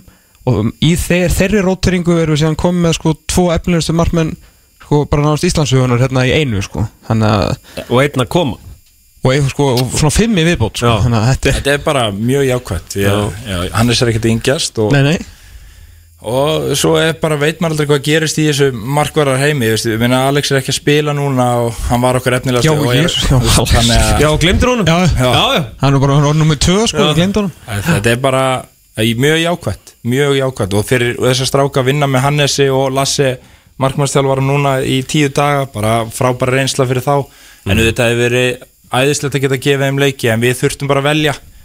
Og það var mikilvægara fyrir marsverkefni að Hannes fengi tvo leiki á grasi og, og aðeins þurfa að díla við það og mjög gott fyrir hann. Ef að þið félagarnir verið áfram með okkur þegar við förum með meistaröldið landsliða uh, næsta haust uh, heldur þú, eða heldur svona, getur alveg séð fram á það að það verði bara einhverju stóra breytingar á þessu liði og þá ekkit endilega frá ykkur tveimur sko og skæti þetta orðið bara áhugaverðasta já mjög áhugavert sumar skulum við segja. Bæða þið þurfa að taka ákvörðu fyrir framtíðina og mögulega okkar bestu leikmenn fyrir sjálfa sig sko. Já, ég held að þetta verður alltaf áhugavert sumar. Alveg út frá öllu þessu sem voruð að nefna. Bæði okkur, leikmennina. Hvort við förum eða ekki á hvort við þurfum ekki Mótið? já, já, með það, já, þetta, það er svo rosalega marga breytur í þessu. Mm. það eru nokkri leikmenn sem eru klárlega á síðasta snúning varandi aldur. Það bara segir sér sjálf en það eru líka leikmenn sem eru á þessu gráasvæði eru þeir orðnir og gamlir? Eru nógu góðir til að vera þessum aldri áfram í landsliðinu? Eða þarf að skipta þeim út? Það er, það var landsliðstjálfarans á þeim tíma. Og ég hef engar áhyggjur af framtíðinni ég er, er meira spenntur fyrir því sem er framöndan en það þarf að taka rétt á þessu. Það þarf að taka góðar ákvarðanir árið 2020 Já, það getur verið hjút sko. Já. Eitt leikmaður sem við áttum eftir að spyrja út í Óskar Sverrisson. Já, Já. Skari Sverris. Já, maðurinn, maðurinn sem að tók þátt núna í þessu janúarverkefni og Íslandinga bara hver er þessi maður, náttúrulega 27 ára gamall og er að spila í, í Svíþjóð, fættur í, í Svíþjóð um íslenskan ríkisborgarrétt. Nú ertu búin að kynast honum aðeins, Já. hvernig, hvernig gæði þetta? Ég, var bara samanstað á þið þegar við veljum hann. Það er bara alveg hreinskilin Erik þekkta miklu meir en ég. Náttúrulega býr í búa báður í Gautaborg og búin að sjá fleiri leiki með honum en ég. Ég var bara búin að sjá tvo leiki. Og þeir leiki voru í móti Asset Alkmaar. Þá var ég að horfa á Albert ekki hann. Ah. og en ég sá hann náttúrulega spila. Og bara þú veist já, kom mér á óvart uh, já, að ákunni leiti varnalega mjög sterkur. Góður, skrokkur og, og líkamlega sterkur. Uh, sóknarlega smá bras fyrir, ef, ef, ef, ef ég horfi á þegar hann þyrst að díla við hérna alansliði, Já, já. þú veist, stóra leiki. Já. þannig að bara fínt að meta þetta, sjá hann og vita þá hvað við höfum hann en, en hérna ekkert svona meir um það að segja. Ég við komum ekkert út úr þessu bara og, og hann verður í alansliðinu næsta hóp. Það er ekki þannig Nei. hann hins vegar er, er í góðum klúbi og hefur, hefur hæfileika til þess að, að þroska áfram. En Hvernig, hvernig maður er þetta? Er þetta og bara mjög professional. Góðu formu, hugsa vel um sig. Hann er mjög hlétrægur og maður þekkir hann bara sjálfur þegar maður fer eitthvað í umhverju þar sem að maður er ekki sleipastur á svellinu í, tungumálunu hann gæti alveg tala íslensku á róurugum með það. Og þegar þú situr á ringborði með fjórum, fimm alfa mails sem allir alltaf hafa orðið Já. að ná að pizza inn, það er ekki döðveld sko. þannig að það var í smá brasi með það en þegar maður var bara einn og einn með honum og e, bara ekkert mál. Já, já, já. Hérna, við erum búin með landslumræðina og langar fyrst að vera með því hérna því að það er reisastórt mál bara í gangi núna fyrir framtíð íslenskar fótbolta sem er að lengja þetta Íslandsmót okkar. Hvernig sem á að, á að gera það. Uh, kúvending náttúrulega bara núna í, í vikunni þegar að skæði náttúrulega að reyna að búa til 16 liða Pepsi Max deild. Uh, þú erum náttúrulega bæði þjálfa þessu deild og náttúrulega þarft að þú þart á því að halda þessi deild sé eins góð og hún getur verið eða allan með þú ert aðstoflaðstölveri uh, hvað, hvað finnst þér um þetta? Er þetta, þú veist, hérna Já, bæði, bæði sko leikja fjöldin sem eru örgulega eflust bara mjög ég held að allir sammála það en, en svona versus, versus gæðin? Ég held að, ég, ég þarf náttúrulega að passa mig Jú, hvað jú. ég segi að mörgu leiti en, en ég vil samt bara tala sem hérna, áhuga maður um íslenska knæsmiðu þetta skiptir þig máli bara beint Já, jú, þetta gerir það, alveg klárlega En það sem mér finnst mikilvægt í þessari umræðu sem er bæðið að vera mjög góð þetta er holl og mikilvæg umræða en það væri rosalega gott ef að ákverðinu verða teknar óháð þeim stað sem að hver og einn er í núna. Eða er hægt að taka ákvörðun sem er best fyrir íslenskan fótbolta að óháð því hvort að þú verður í hættu um að falla eða í meiri möguleika á að komast upp. Skiljið hvað er að fara? Já, algjörlega. ég hef alveg verið þarna hinum megin að þjálfa félagslega og ég veit alveg að maður festist í því að hugsa ok, herðu, hvað gerist núna næsta ári fyrir okkur? Ef við fjölgum í liðinni þá er meiri líkur að við föllum ekki til dæmis. Eða þá ef það verður fækkað í deildinni þá er það omvænt og, og sama með umspilið í, í hérna, eða, playoffsi sem við vorum að tala um í inkassodeildinni eða fyrstu deildinni. Það eru lið sem að halda mingi möguleikan að komast upp og svo framvegis. Er hægt að taka þessa umræðu óháð því hvað þinn klúpur er stattur akkurat í dag Já, sva, ég Mér- get, mér ég get svarað því og það er nei. Ég veit Mér mér fannst á, bara, mér fannst er skæin bara sína það í vikunum það er ekki hægt. Það finnst mér sko. En skiljiði hvað ég er að meina? Það væri holdt fyrir fótboltan ef við gætum gert það. Já, uh, það sem að mín skoðun er á, uh, er á þessu er að uh, öll félögin eru bara að hugsa um sjálfa sig. Það er enginn sem að horfir út fyrir boxi og segir Heyrðu gæs, ef við gerum þetta svona og sjáum hérna þessar rannsóknir eða þessa tölfræði staðreind eða veist, að, að þetta er þetta er svona eins og lagsveiði menn sko. Þetta er svona tilfinningin. Já, þetta er, þetta er mikið á tilfinningunni. Já, þú veist, það er engar staðrendir einhvern veginn og það er allir allir í sínu hotni og enginn getur tekið debatið og sagt sko, þú veist, fyrir hönd íslenska fótbolta er ég að spá í að gera þetta. Nei. Nei, þú veist það er líka nákvæmlega sem það er að gera. Þegar nú hérna var nú skipað hérna í starfsóp hjá KFC einmitt til þess að hérna, taka þessu umræðu á stærri grundvelli sko. Og það átti sérst að hjóla þetta mjög hratt og kom með tillögubreitingu núna bara á, á ástingi núna. En það var síðan bara ákveð að hætta við það og bara taka núna heilt ár í að skoða og skrapla og spjalla og bara búa til, bara greina að gera skýslu um alla möguleikana. Þannig að sé hægt að taka þessu einmitt umræði á einhverju stærra leveli fyrir framtíð íslenska fótboltans. Og bara svona áður en þetta fór á stað þá kemur við með þessi þessi tillega bara svona akkurat til þess að það sé ekki hægt að taka þetta á einhverju svona eh, þessum, svona einhverju herra leveli heldur núna er bara að vera að sapna í lið til að koma einhverju breytingu á þingjunu á eftir En, en nú segir þú, Tómas, að það sé augljóst að Akranes hafi sett þess að tillögu til þess að tryggja stöðu sín í Pepsi-dildinni Nei, þess að við hugsa um sig sko. Já, ég meina það, Já. hugsa um sjálfan sig Er, er einhver málsvari Akranes búin að uh, tala um það? Af hverju þeir eru að koma þessu tillögu? Ég þeir vilja bæta íslenska knarspinnu Já, Já, ég tók viðtal við hérna Jóakalla í blaðinu á miðugdag Þessi, Já, þetta fylgdi líka bara tilkynningunni sko. Þú veist, þeir vildu bara fá fleiri leiki fyrir unga stráka sko. Já, þeir, það sem er í rauninni sko, helsti punkturinn er þá að, að hérna, rekstrarumhverfið er, er erfitt. Eh, það er ekki hægt að selja leikmenn úr fyrstu deild, það gerist mjög sjaldan.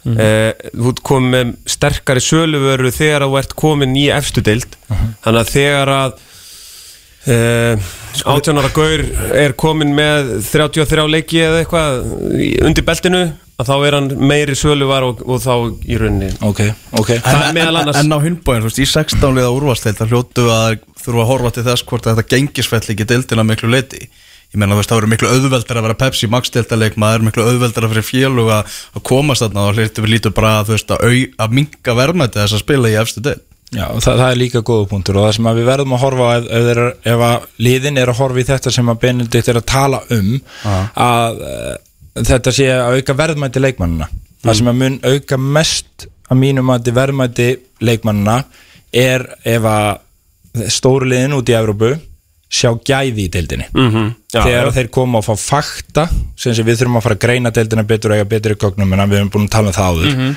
og við þurfum að geta komið eða þegar skátarnir koma hérna, þegar þjálfvarnir og sportdirektorinn koma Mm. að þeir sjá gæði. Mhm. hraða, meiri ákjæð meiri tæknilega getu, það er líkil líkilatri og hvernig gerum við það? Þá þarf að horfa í það. Hvort sem það sé í þrísasunum tíulega deild eða, eða 16 lega deild ég ætla ekki að segja hvað er best af þessu en það þarf að skoða þetta faglega óháð tilfinningu. Já, það er vel það sem að skilur það sem að skamun og segja eins og líka við benna að allt sem þið segja er rétt sko. Rekstur umhverju er erfitt þá þarf fleiri leiki ekki bara fyrir strákan þá þarf líka bara fleiri heimaleiki fyrir liðin að fá tekjur. Veist, það er, það er all, allt sem þið segja er rétt en við erum allavega hérna allavega ég og Elvar sammálum að þessi leið sé ekki rétt. Og það kannski skiptir veist, ekki þannig máli sko. Eh, en það sem að skiptir máli í er bara það að það var verið að fara að reyna að taka þetta sko, þú veist, IA er hluti af íslensku toffólta og KSI sem er farið af stað í vinnu um að breyta þessu. En þá er þessu svona skellt fram einmitt þegar að liðin þurftu öll að standa saman því að það eru öll fjölugin sammála um það hvað þetta er erfitt núna.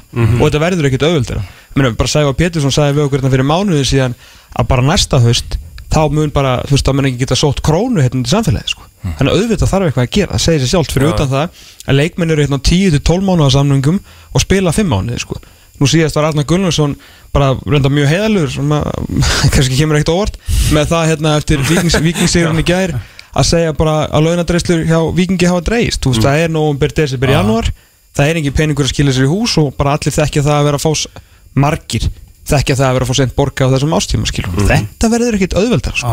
í, í þessari tilhöru líka ég held að við sigur svona eitthvað komið inn á þetta í bakverði í morgunblæðinu þá held ég að vera líka til eða bara fyrstu þetta leikir í Pepsi Max deildinni. Menna þú veist að fækkar íþróttafréttamönnum budgetið íþróttir er lítið. Mm. morgunblæði getur lendið því að allt innu það bara leikir í efstu deild ekki mannaðir af, af þeim. Já. og þessi leikir er bara svona hálfpartin tínast innan gæsalappa. Alltaf þú veist verða ekkit jafn ábyrrandi sko. Ég... við, við erum menn sem erum að horfa á þú veist hvað eru uh, margir leikir í þessari deltatur ég maður ekki, þú veist, 11 sem eitthvað fullt að leikir með þessari delt, þú veist, eitthvað 160 eða eitthvað skilur og við erum að sjá hérna svona kannski svona 100 plus leiki á ári sko, þú veist, við erum bara vandamál að stríða og bara, þú veist, horfum á alla þessa leiki. Þegar að hérna, þú veist, með, með fullir vinningu eins og bara Elvar lendun í því að lýsa fótbollaleik sem heit Háka og Grindavík. Bara ekki bóðlegt fyrir þessu delt skilur, það var bara ekki bóðlegt bara hræðileg gæði, hræðilegu leikur og bara enginn á vellinum. Enginn á vellinum og Grindavíkur lið til dæmis sem að var bara að reyna með kjaftu og klóm að, berja, þú veist, að reyna að halda sér uppi við vitum alveg að í 16-lega úrvalstild verður bara botnin einhvern veginn svona, reyna að krafsa í stig með ráðum og dáðum og gæðin verður ekki góð. Og þegar við tala um þess að skáta að koma að sjá gæði þegar að háká, bara höldum okkur háká þegar það er algjörsöluvar stórkostlegur ungu leikmaður í Valgýri Valgýrssoni þegar þeir vera að horfa á háká fram háká, þú veist, Grindavík og, og Þór, þú veist, með, með, þú veist hvað er að vera gæðin í því þegar að, þú veist, líka talentpúljan sko, hún er ekkit, hún stækkar ekkit, sko. Saman hvort þú færi liðin upp eða niður það er alltaf jafnmarkir leikmenn í bóði þannig að þetta er bara svo sem Já, getur já. alveg enda að þetta verði 16 til, skilju, Já, já. en þá verða samt allir einhvern veginn að vera með í því og umræðin að vera, vera meiri heldur en einhvern veginn svona bara bæn.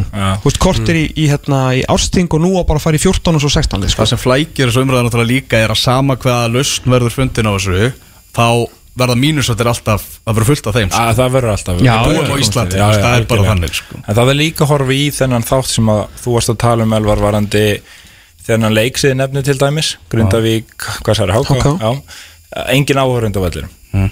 Við erum Fáir. já, fáir. Við erum að tala um að lengja tímabilið í báða enda Já. Við verðum að passa okkur á því að við ætlum að lengja það, það vilja það allir og fjölga leikjunum En þetta má ekki verða til þess að sko, mar markaslega verði deildin dauð Nei. að fólk hafi bara engan áhuga á því að koma á þessi ívenda mm -hmm. þetta er líka þáttur sem þarf að horfa í algjörlega við vorum Svo- að tala um í byrjun spjálsins skilur við bara ungir landslismenn að baksa við það að spila fyrir framann engan sko. Já.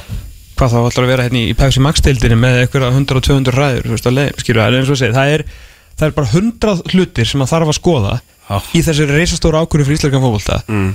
Og hún verður ekki tekin á tveim vikum sko. Nei, þú veist, það er það sem er fyrst bara já, svo galið, já, sko. finnst það- Ég er alveg sammála því að, að það er hérna, það er algjörlega galið að, að uh, heyra hljóðið í íslenskun toppfótbolta og KSI og vita af þessum starfsóp og samt slengja þessu fram og uh, þú veist, á tveimu vikum þá eiga allar stjórnir að funda um þetta og, og, og annarkoð styðja þetta eða ekki í staðin fyrir að segja bara, heyrðu, ári, árið 2021 ástunginu þá, þá ætlum við að leggja eitthvað fram Mhm. Þá Eftir verður- einhverja faglega Já, vinnu. þá verður einhver vinna sem að, uh, ég veit ekki hvort þú leiðir eða eitthvað, en þú veist, þú er Bara þannig til að drekka kaffi og segja brandara sko. Já, þá, hérna, þá er allan að komin einhver sko einhverju, þá er búið að taka eitthvað, einhverja umræðu að því að íslenska leiðin er nú yfirleitt að ekki tjá sig heldur tjá sig síðan á borðinu Jú, þetta er nú meiri vill Já, og líka eitthvað sem að öll félögin munu koma að Já, ég er að segja það sko að, að, hérna, að þá ertu með eitthvað herru, meiri hlutin vill þetta en þú veist, þá ætlum við bara keira á það. Eina ástæð þess líka að ég er hlindastur því að prófa þrefaldanferð er svo að það er hægt að bakka tilbaka með. Það bara, heru, þetta var ekki jafn gott og við heldum og við reyndum þetta þú veist, það eru fullt af mínusum í kringum þetta mm. þá er bara hægt að hafa funda aftur og bara, töföld Já, svo er líka það. En ef þú komið 16 fótballtalið í deildina þá ertu ekki að fara bara að henda þeim séðan tilbaka sko. Nei, það var það sem að ég að týndist aðeins í Twitter umræðinu í, í vikunni. Ég sá um mig nokkuð tíð sem bara af hverju ekki bara prófa þetta? Af hverju ekki prófa þetta? Þú veist, Þá meina ég út frá því að bara ætla að prófa þetta. Að ef það vera 14 lið í Pepsi Max dildin í sumar að þá verða 14 lið í Pepsi Max dildin í næsta sumar og sumar eftir það og sumar eftir það og sumar eftir það því að það mér engin kjósa með að bakka úr þessu því að umræðin hjá okkur um þetta hófst með því að lið eru að hugsa um að fá að vera með á ballinu til að halda tekistreiminu sínu þannig að setja halda upp í bara fótboltaklúpum og það er engin að fara að bakka fyrir því sko. það þarf tvo þriðju uh, atkvæða í svona ákvörun þetta er svona einu svona stóra ákvörun einhverjum frangandi stóra ákvörun eða eitthvað. Þá það ferst ekki tveir þriðju með því að bakka tilbaka bara þetta klikkaði sko. Nei, að það eru allir að hugsa um sig. Já, já. Sem er líka Ég, skiljanlegt sem, sko. ég, er, ég segi það algjörlega en við, svona, það væri rosa stert ef við getum hugsað þetta fyrir fótbolta. Já, já, það er allan að sem við, ef við ætlum að halda áfram að reyna að fara á svona stórmót og svona sem búið að vera rosa gaman sko. Já, Það búið að vera rosa rosa gaman sko. virkilega gaman. Já. Herru, þá held ég að bara umræðu bankin sér tendur með, með freysa í dag. Já. Komst ekki með börni Jó, það er eitthvað stærna frammi. Það er að fykta einhverju tökum eða það er svona virka ekkert ná Já, já. Prófaðu að kveikja á FM, það er í beinni þar núna. Þeir eru kannski aðeins að koma að fótbolta.net mótinu, það eru leikið þar í, í gangi og, og er lokið breyðablík með fjögur eitt sigur á móti FH wow. Vá. Hvorki meira nefnina uh, Tómas Mikkelsen með, með tvö mörg og Gísli Eyjólfsson með, með eitt hana í, í þeim leik. Svo er há, Íslandsmeistara breyðabliks verðandi? Já. Já, það er bara já, ótíma bara spáin verður, verður í næsta þætti. Þetta er næsti þáttur, Vá, Ah. og það er endar hjút þar að gróta komst í 3-0 á móti Ía Já, en Ía er búið að minga í 2-3 tíu minnur eftir. Það er ekki skrítið að ég vilja, vilja að tilhör og, og IBVF er uh, 2-0 yfir á móti HK í leik sem er í gangi. Nó Skóta allir skaga með sér á leiknum núna en ekki að hlusta. Uh, Freysi, takk hjálpa fyrir að koma að sleppa þér út á og þú lendir ykkur meira vandræðum heldur en takk fyrir, við. Gaman að fá þig, við höldum áfram með dögnar bygg. Við möttum að tala um fótboltavöllin það er eiginlega næst á dagskrásirkabátt Heyrðu þið, það er uh, byggarhelgi í ennska boltanum nú er í gangi við regna Brentford og Leicester sem er í betni útsendingu á Stötu Sport og Iannaccio búin að skora eina markið sem að komið er í þeimleik 32 mínútur á klukkunni þannig að Leicester er yfir á móti Brentford. Það er svona eitthvað sem að þetta finna í þessu hérna, Southampton Tottenham, hann er í er um, með að leikja í dag. Börnleikja upp á móti Norwich og eitthvað. En það fór fram fótboltaleikur í gærular Já, Sá fótboltaleikur fór fram uh, í uh, Mekka Agnarsbyrnunar í Þískalandi mm.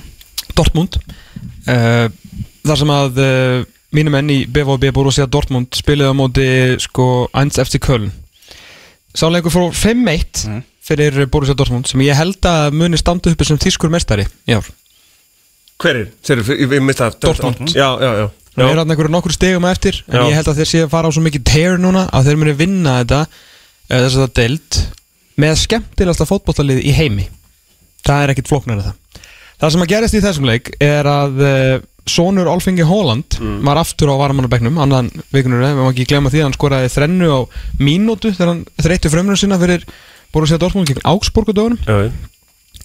Hann kom inn á núna og skoraði þessast tvennu á tíu myndum og hefur þess að skorað núna fimm mörg í tveimur leikjum fyrir Borussia Dortmund og eins og uh, gárungarnir voru nú að benda á Twitter í gera að Richard Jolly held ég hann að verið fyrstur aðeins og svo voru hann margir að apet upp eftir hún þá hefur uh, Erling Braut Holland skorað fleiri fótballtamörk en Manchester United á árunni 2020 shit.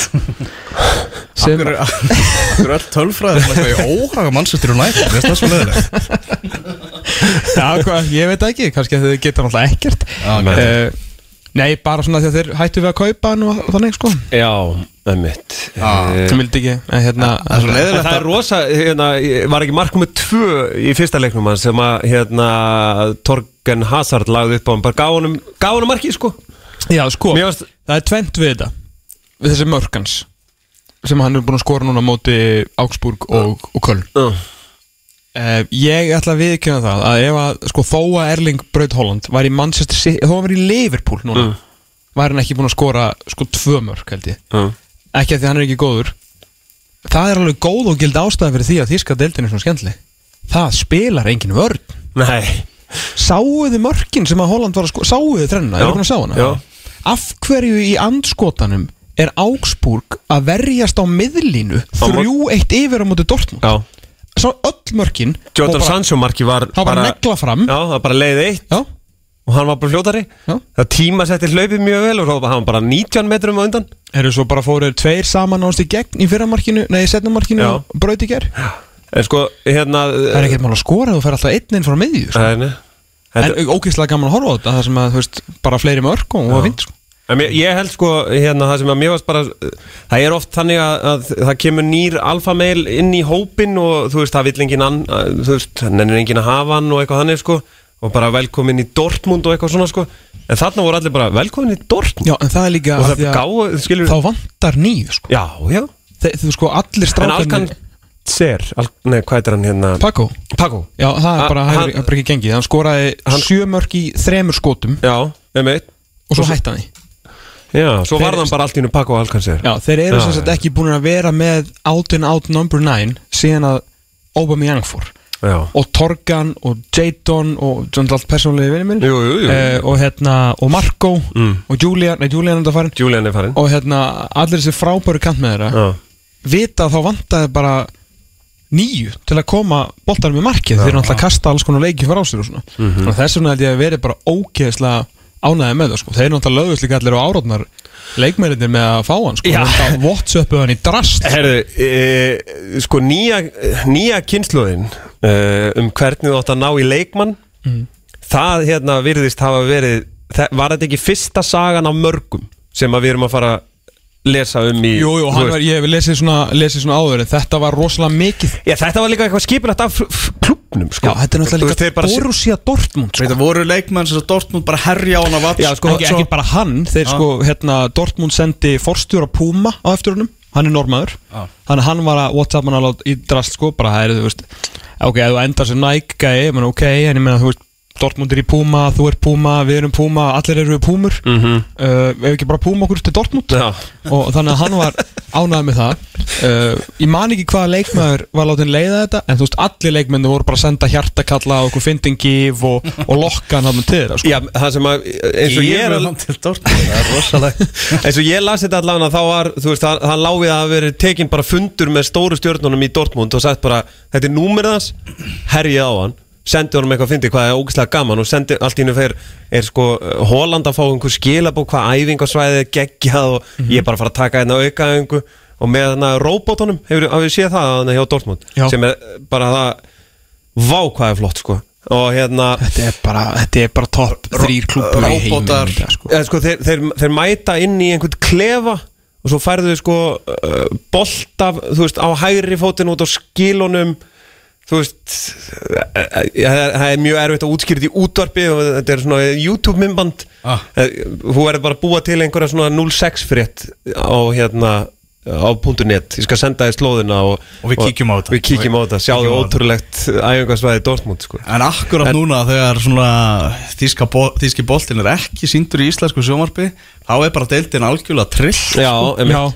Og Dortmund eru komið með 19 leiki eftir hann sigur í gerð, er með 36 stig líkt og bæðin munn hér sem á leik til góða en á toppnum með 40 stig er RB Leipzig sem voru heldur betur að sína, senda skilabóð í, í dag. Þeir voru að, að tryggja sér Dani Olmo frá uh, Dinamo Zagreb. Mhm.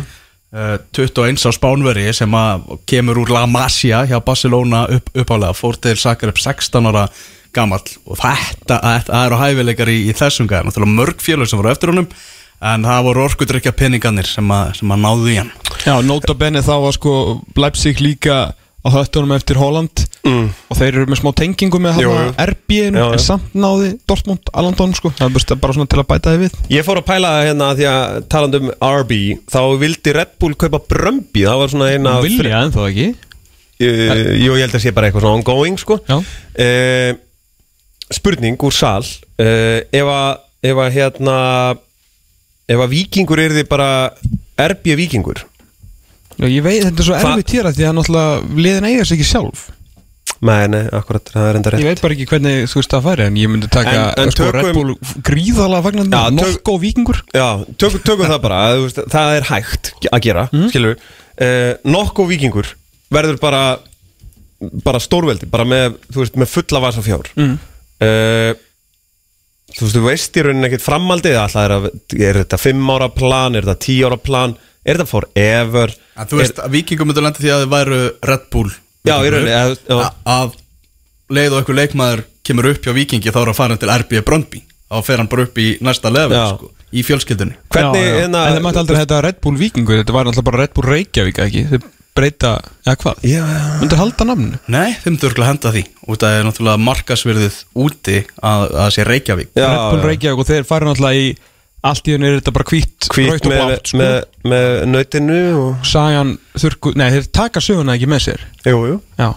En, þú veist, hvað Myndur þú fíla þetta? five time champions Red Bull Reykjavík. Já, Nei, ég held ég myndi nú ekki fíla þetta. Ég skil alveg ágætlega stundismenn Salzburg kannski, ég skil svona þetta Leipzig dæmi er alltaf aðeins öðru þeir náttúrulega voru bara í já. en þú veist Salzburg var náttúrulega alveg stórt lið og þú veist þar voru menn alveg gjör svona trilltir og ég skil en náttúrulega þetta Leipzig er Leipzig er náttúrulega hata af öllum öðrum stuðningsmönnum í Þískalandi Já, já. Því að þetta náttúrulega stríðir algjörlega gegn því sem Þíski boltin vill standa fyrir. Það er þetta svona Þetta dæmi sko. Já, já, það er náttúrulega hérna,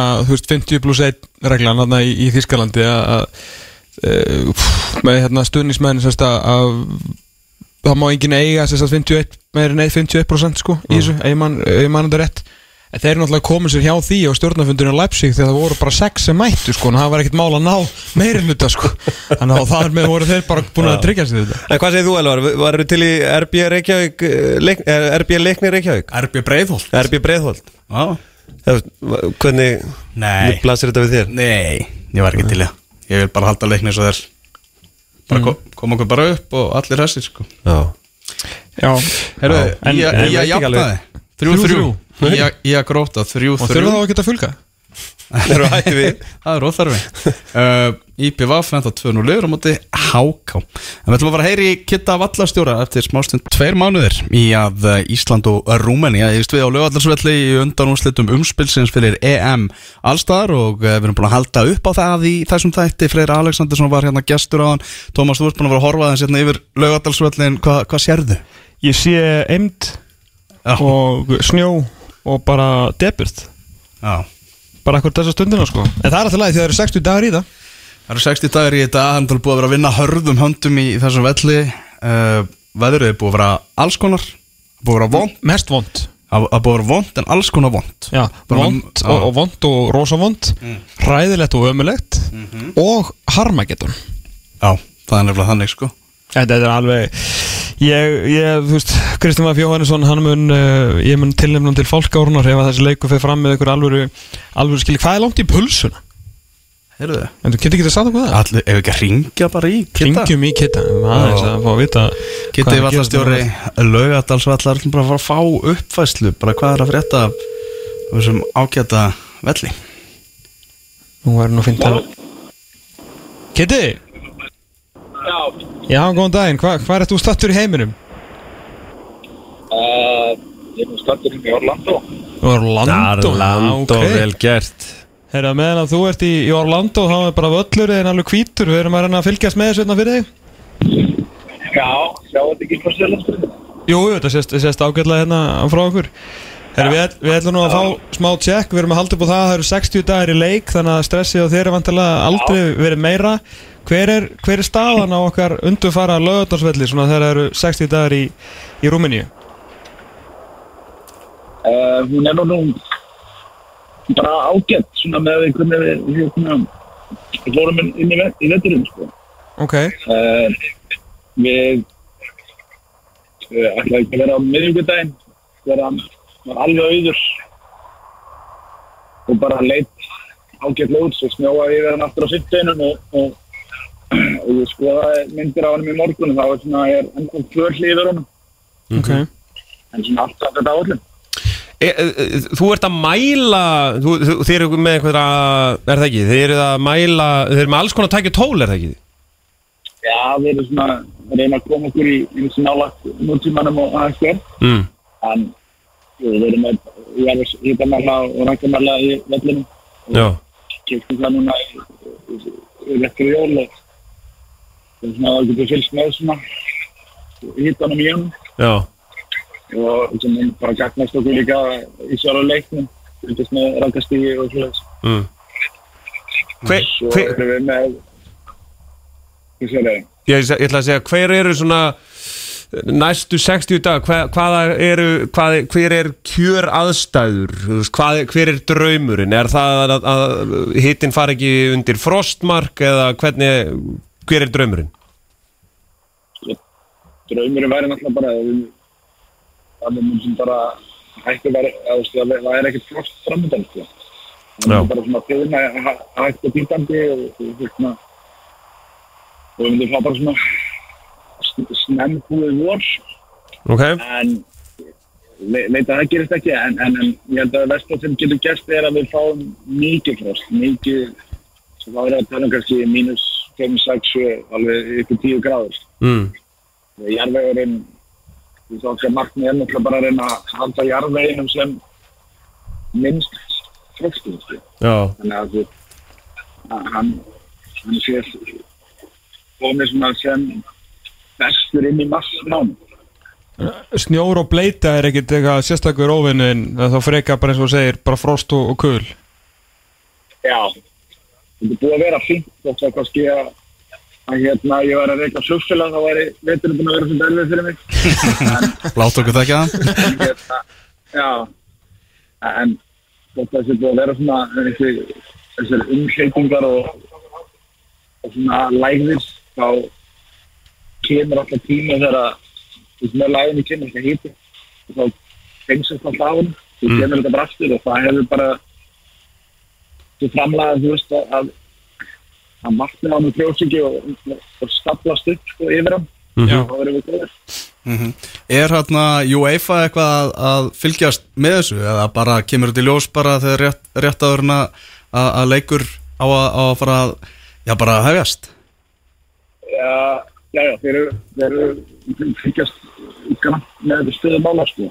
Og þeir eru ykkur strax í nóvember og, og þessi, uh, þessi fag aðalega þeirra vegum kemur hérna í februar, já, miðjan februar að skoða aðstæður.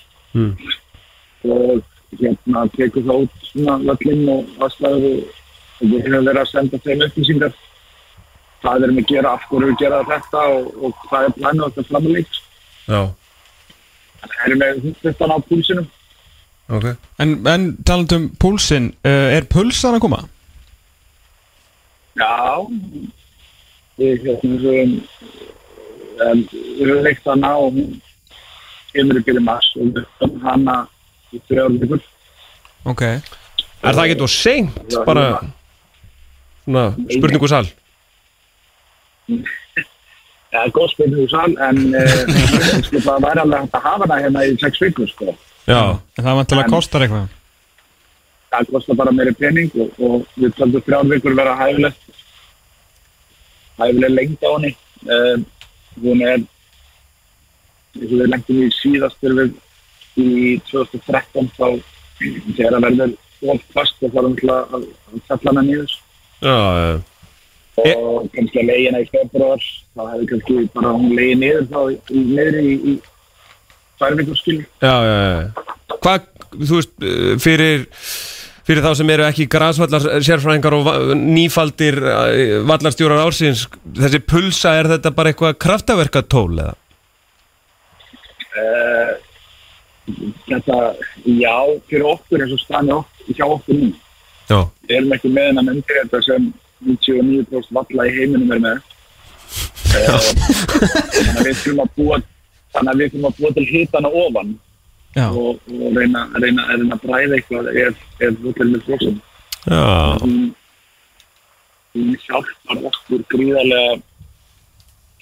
Bæði það að hún það rignir þessi vatn er ekki gegnum pulsuna þannig að við náum að drena völlin ákveðlega við náum að mynda upp bara lofthittin mun hjálpa jarðarsveitunum að hætta. Mm. og, og hérna þannig að þetta- fyrir okkur er þetta alveg krúsjál í okkar undirbúinu fyrir hún leik já, já, já. Þannig að nú þekkir þú, veit ég, eh, vallar starfsmenn og vallar stjóra bara um, um, um allan heim. Þegar þú ert bara að ræða við og ert að segja þeim frá svona, þessum aðstæðum sem þú ert að búa við og við hvað, hvaða vinnu aðstæðu þú þarf að gera með hvaða tæki og tól þú ert að vinna og allt þannig. Hvað segja þessum menn við þig? þeir eiga þeir yfirleitt sko umhverja fyrsta hausinn og, og hérna ganga yfirleitt út frá því þegar maður byrjar að tala við á þessu undirheitir og það er að vera komin kannski inn- langt inn í samtali eða langt inn í einhver e-mail sem skuppi og þegar það er komið hugmynda til okkur þá, þá er þetta bara ekki staðalbúna sem þeir bara til að síðana Já. á Íslandi. Þannig að við höfum oft, ég hef sleppti því að fá lausnir og svo þarf ég að segja bara í miður samtali við erum ekki með undir þetta þannig að þessar aðstæður fyrir þá eru mjög bæði viðurfarslega og líka bara vallar aðstæður með frábröðu flestum Mm. En Við erum svolítið svona, við erum ekki aftalega á merinu, við, erum valla, við sjáum valla merina Nei, við erum örugglega bara allt eftir á Já. ég held að það sé engin Já. Við erum við bara þetta er hérna eiginlega alveg ótrúlegt að við séum ekki komið lengra í þessum málum Já, Hvað, hva, já, einmitt, en hvað, hvað er svona worst case scenario fyrir okkur? Ég meina, Freyr var að tala um að leikurinn yrði nú sama hvað, þú veist, erum við bara að tala um að þetta verði bara eins og, þú veist, greifa völlurinn í, í mars eða eitthvað? og við kannski getum ekki á eða sem ætla að, að völlur verið í það grænt hana 27. mars Nei, og við svo sem komum ekkert út frá því við okkar okkar plan er bara að hafa hann spilhefan og, og sléttan og þéttan og, og vonandi svona semigrænan. Já, en það svona worst case er kannski þú veist sjálfur leiktagurinn uh, daginn fyrir þegar kannski við þurfum að taka hýta pulsin af. Já, hvað gerist bara á leikdag hvernig verður veðrið verður lægt í vandinu eða ekki en svo getur náttúrulega mass verið kaldur og erfiður sko. og, og hérna ég held að rokið og kuldin er okkar erfiðast alveg fram að leik sko. já, Já. já. Þannig að liðin verði ekkert að æfa á vellinu en þú bara sendið þau í, bara í víkina og eitthvað.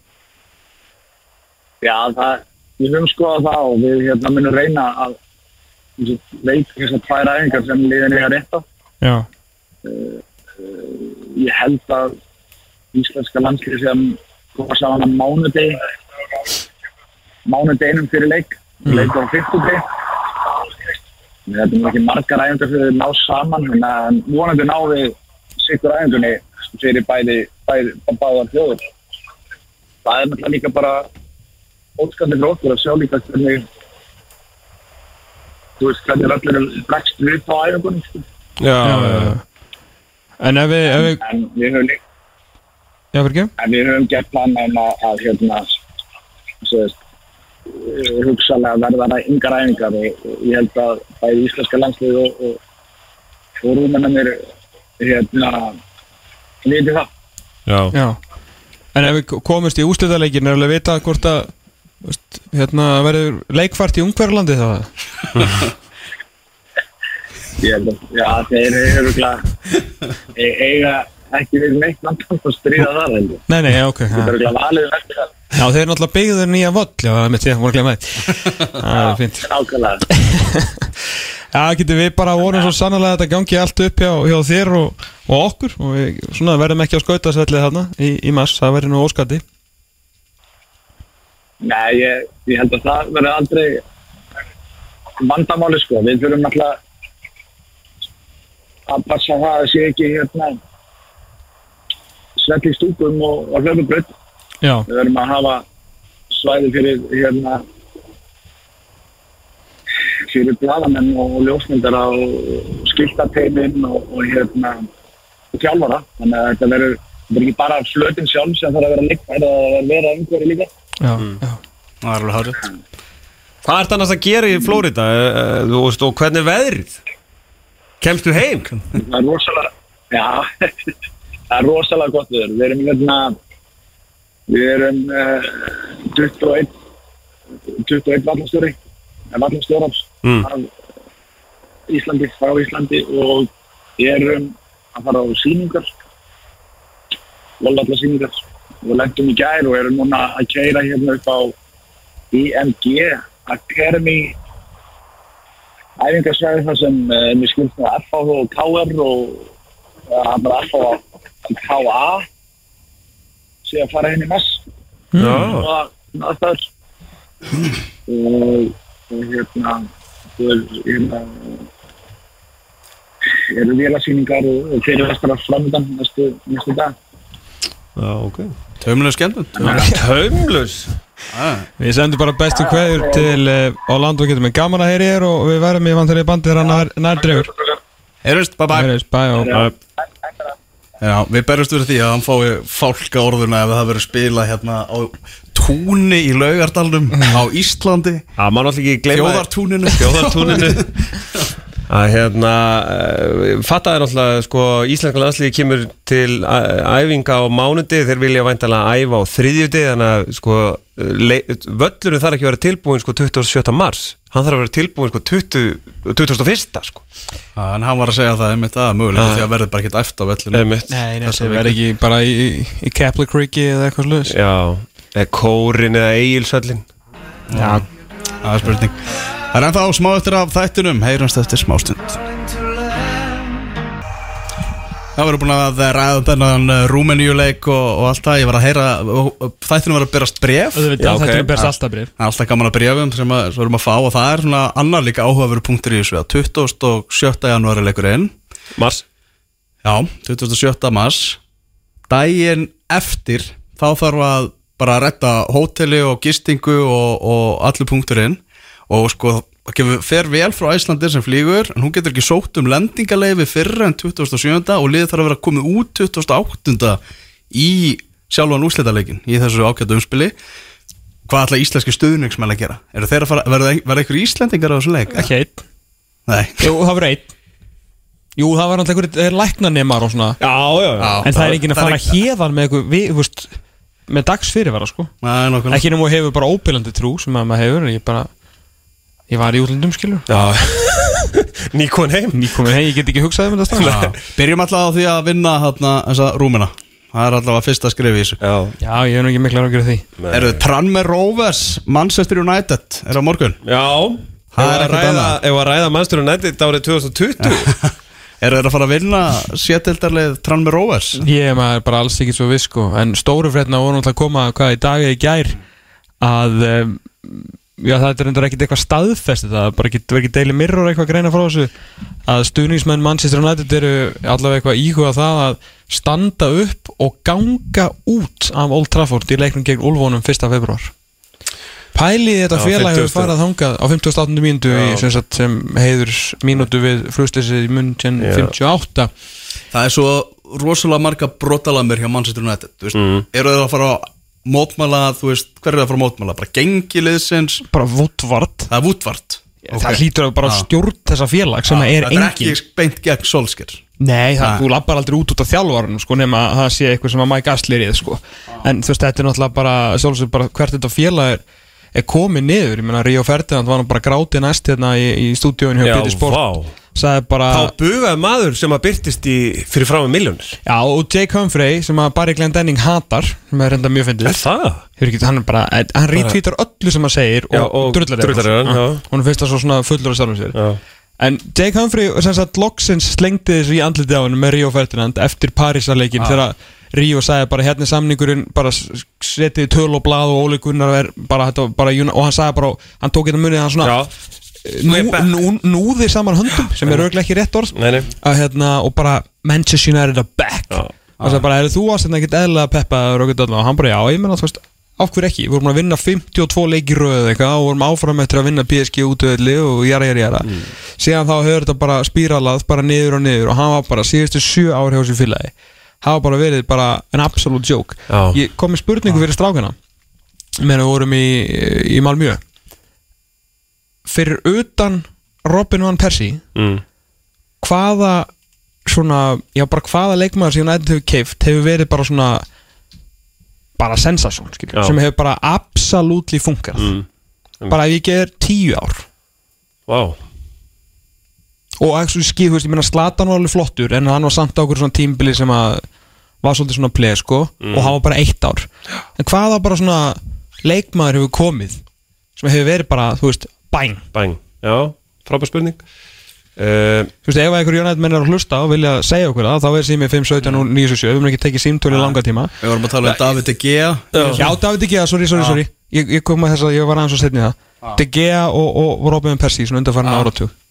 Já, uh, ég, ég man allan allan að uh, sko, ég man eftir sögunni þegar hérna uh, Mike Phelan fekk sko hitt einhvern stuðningsmann liðsins á púp og hann sagði honum að hérna frændi sinn hefði séð einhvern rosalega Mexikoa og, og Mike Phelan fór til Mexiko að, að skoða veist, einhvern gaur sem að var að spila í Mexikosku deildinni og þetta var svona, heyrðu, hann hefur ímislegt til brunns að bera og hérna, og þetta var, þetta var svona gott scouting system með einhvern veginn virkaði þegar hafi er hérna, eh, hérna Hernandez Chicarito Já. Þegar, hann er kiftur þá virkaði það svona hm, þetta var vel gert sko. en þú veist, hver var að skáta Fred, hver var að skáta þennan, þú veist hver var að skáta hinn? Þetta er einhvern veginn þetta er svo lélegt. Og ég held með Newcastle sko, ég veit alveg hvað er lélegt sko. Já, ég meina, algjörlega og þú veist að eina sem að þessi hérna, Ed Woodward, hann er ekki búin að kaupa hann alltaf leikmann í janúar sko, það gengur ekki til honum. En hann er bara búin að ráða sér hérna spunadóttor í Neil Aston og Söndur Supplement sko, fyrir hérna reistura uh, eða einum af al fótboltamannunum Já, já. fótboltapennunum hjá The Sun sko. Og svo er mannstur nættið að kynna inn þennan drega uh, búning sinn sem að hérna, til, uh, til heiðurs nýju ári í Kína Svo var bara svo ógeðslega að fyndið að hérna, það, það sem er að koma í ljós núna það var styrluð opnað í hérna, held að verið mirror núna fyrir leikin gegn gegn Liverpool á, á dögunum. Þess að var bara hvernig Liverpool búið að reikspóla hérna fram úr Manchester United á öllum sviðum sko. Og það, þetta var, Já. þetta var rosaleg greining á þessu þetta var virkilega flott lesning. Það finna þér að United sko allt eina sem er sagt um hennan Ed Woodward mm. er að hann getur safna peningum sko. Herri, nú er Liverpool bara mögulega í næstu del á eitt skýslu verða þeir fyrir ofan þá sko Mei, Jú, þeir eru bara komnir á hælanæðum og te tekjur, tekjur Liverpool verða mögulega meiri á næsta ári hvort að heildarveltan verði meiri sko, kannski ekki alveg víst en tekjur Liverpool er spáði verið meiri heldur svona á næsta ári með allt annars að þeir eru alltaf að vinna titla og eru í Champions League og United ekki. Svo eru þeir búin að sækja fram á, á hérna, nýjum markum sko áður en þeir tóku mín á mín og voru þeir eiginlega með Japan bara læst sko og nú eiga þeir Japan já ok Þannig að Vá. þú veist, þeir eru með, þú veist, allt þetta og þeir eru með eitthvað, þú veist, data intelligence og kaupa eitthvað, þú veist, bara það er allt í blúsandi svingi á Liverpool eins og staðan í deildinni og, og fótballtaleikinni sem þeir vinna gefið til kynna. En á saman tíma er United bara í einhverju mesta ruggli sem ég hef séð bara stórlið í síðan ég veit ekki hvernig, sko. Mér varst minna Já. ruggl á Juventus þegar þeir voru sko feldinir um deild. Já, fyrir framkvæmdastjóri re- hendi sér úr blokkinu til að fremja Já, sjálfsmóð hún var reyndar ítt en það er annar mál. Það er annar mál Þessi nú ætla bara stuðnismann að yfirgefa völlin á 58. minút Já, sko, það sem Þetta mér... er ekki Newcastle, skilur við, sem hafa nú gert örgulega 12 sinnum eða eitthvað. Já, já, Þú veist, þetta er Manchester United og stuðningsmenn alltaf fara. já, sko ég fór mín fyrsta ferð á St. James's Park þá hérna, þá, hún alltaf plönum með skilju fjara mánuða fyrir, fyrirvara og allum pakkin og allt það. Og ég lendi semst í mótmælum. Semst þannig að það var ekki sungið og var ekki tralla að þau voru að mótmæla. Þetta eru sko, það eru nýjár síðan. Mm, hann er ennþá hann er ennþá þarna, þú veist og allt það, þú veist. Og ég held að Manchester United þurfi ekki fans á, á leikdegi, sko. Þú veist, það skiptir þá ábyggilega mjög litlu máli í heldar summunni, sko þannig að, Þetta er svo, svo stjartfræðilega bila En og svo bara held sko- ekkit á einhverjum, einhverjum teknikal direktor, það veit Nei. engin hvernig að kaupa og hvers vegna sko það er reynda búið að laga hérna, það er vist búið að laga eitthvað scouting-systemi hérna, aðeins á United þannig að þeir eru hættir að láta fíbla sig sko trekk í trekk eins og þeir eru höfnu núna Jerome Boateng. Já, af því að þú bæði náttúrulega náði náttúrulega grenjað og hlátrið þeir komu sko dauðum Bastian Svænstækir til Manchester United sko svo ætluðu þeir semst bara heru, hva, hver eru nómiklega hálfvitar til að fá Jerome Boateng Já. þá var það semst United því að hann getur alltaf að klára leiki lengur Nei, nei, sko. einmitt. Þú veist, það er bara þannig, hann er hrikalega góð leikmaður en hann hefur vist, það er allan talið að hann hafi voða lítið að gera í, í Premier League með, með skrokki sinni í, já. í dag sko, hvað þá í þetta leiki álag en það, það sem ég var þeirlega Alexis merkilega Sanchez getur verið svona gott dæmi um þetta Þú veist, bara breytingun á Manchester United Þú veist, United er að kaupa Alexis Sanchez þegar félagið væri, þú veist, fyrir einhverjum árum síðan að selja hann á þessum tímapunkti sko. Já, já. Já, einmitt, einmitt Þau vissu það að hann væri á leiðinni niður bregðuna sko. Mér finnst bara svo merkilegt sko að þú veist, í öllu því eh, sko ruggli sem mannstur nættið hefur verið með Van Gaal, með Móra, með hérna, David Moyes og allt það sko stuðningsmenn hafa alltaf verið einhvern veginn þangað til að það er flautað af við höfum aldrei séð Já, já. Þessi, þessi mynd sem að byrtist á 8000 og eitthvað fjóruðu mínútu. Það að fara, fara, svolítið snemmi lengi byggandum oft Já, eitthvað, þú veist, who gives a shit? En Mourinho var líka með stuðning bara hardkjartna stuðningsmann á Manchester United. Þú veist, íslenski stuðningsmenn United voru brjálaðir en, en hann var alltaf með alvöru stuðningsmennina á sínu bandi sko. Já, Já sko, ef, ef ég maður bakkar hans tilbaka og hugsa hérna um ef að þeir hefur tekið uh, bara Allegri eða eitthvað í sumar ekki, þú veist, ef að Óli Gunnar hefði ekki unnið alla fótballtaleikina og fengið samningin og þeir hefði actually ætlað að býða og minna, Óli hefði bara getað að fara aftur til Molde og, og bara, þú veist, bara flottur á því.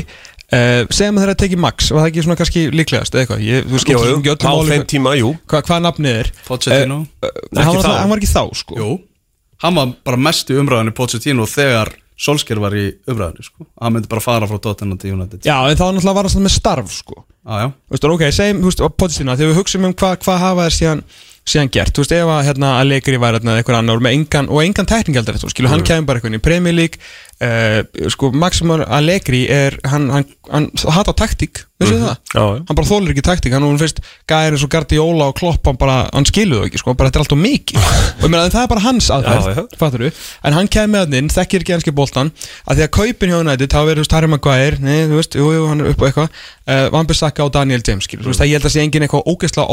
Maguire, hann eitthvað, uh, Van Bissaka og ég við þetta veit ekki hvort að Allegri hvort að hann er bara, ég þekki ekki þess að kalla ég ætla að koma hérna inn með veist, Flavio Briatino mm. veist, Antonio Pompololi og, og Sebastian Homanoli hann er frábær. og hann er frábær og einhverjum svona, einhver svona gæja sem kemur hann í Premier League þekkir þetta ekki nógu vel kloppurinn, þú veist, nánast bara, þú veist, bara það er bara eitthvað stórkostlega mikið að, þú veist, hvað hefði hann gert með þetta þegar er enginn fyrir ofan hans getur já. hjálpa honum að nei, síðan, síðan umhverfinu? Þannig að það skiptir einhverjum, eða veist, manni finnst einhvern veginn að það skiptir ekki máli hver sé að stýra þessu, þú veist, akkurat núna að meira svo sko Óli Gunnar sem er kannski sjö levelum fyrir neðan bestu stjóra heims bara þegar kemur að, að þjálfa fótballtalið er samt United bara af því að hann veit hvernig bara af því að hann hefur þó allan að fólkið sko. Skilur, það er bara þú veist stáin hún er vond en hún er kannski svo eina sko. já, já. Ég held bara, þú veist, yfir stjórnin og allt þetta svona sem er bakvið bara gleisararnir, er þeir sem eru að ef að Ed Woodward eru að láta fara þá eru það þeir sem láta hann fara sko. maður þú veist bara United þú veist, Og þeir, af hverju ættu verið að láta hann fara? Þeir græða svo mikið pening á honum þeir bara heyrðu elska arðin bara Já. þeir grönjandur látri sko. Jöfull er þeir laður í maður það er nefnilega gæðin sko. Og það, er svona, Það skiptir á einhver máli þótt að einhver, þú veist, 200 úrs manns eða eitthvað, þú veist, séu ósáttir Þú veist, þá Nei, skiptir ekki nokkur um Það er að vonandi að horfa eitthvað til betri vegar hjá Manchester United. Ég held að bara Íslands þjóðfélag þarf á því að halda. Það er líka þeirra bara orðið þannig sko, þú veist bara að Liverpool-stuðnismenn eru bara að fara til að vorkjana ég, ég held að í drauma heimi Leifupólmanna væri þeir að vinna United skiluru í keppnum titilin eða þið væri allavega þú veist, relevant í topp fjórum sko. Þú veist, þeir eru að spila eitthvað stærsti leikur á England í dag er Liverpool Manchester City Nenna því ekki, sem að gerist í fyrra sko. Þeir eru einhvern veginn búin að býði 30 ár eftir að verða aftur the dominant force in English football. Og þá er erki óvinnurinn eitthvað þú veist bara geta endað í sjöndasætt sko. Já, en þú veist að vissulega er þórðaglegan hjá mörgum mikil sko en, en Já, þú veist, það, það er bara því að, þú veist Sko, það, það, rifrildið er alltaf bara Já, við erum með klopp og við erum bestir og við töpum ekki leik. Nei nei. Já, Það er á rétt, Það er við erum ekki rétt. með klopp og við erum ekki með 30 steg að fá skotu veldinni og við erum bara hérna sko. Veist, og þá, þá, þá er alltaf debatti svona Já, já, einmitt, akkurat En við óskum að þetta er bara allsins besta Gekk trann með Róes á morgun á, í kartablugarðinum heima. Uh, Völlurinn sem að veru mögulega jafn lélur og laugatársvöllurinn Herri, heldum við fara að slá uh, botnin í Er þetta ekki orðið ágætt? Jú, jú, ágætt Þið eru komin heim, velkomin heim. Já, heldur betur. Við vorum með Frey Alessindursson hér í Vitali og sömulegis Kitta Vallastjóra Við vorum að hitu fyrir stólleikin í lók mars þar sem að það eru 60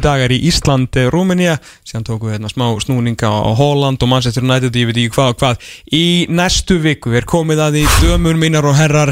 Það er fyrsta ótíma bara spá sumarsins skulum við kalla það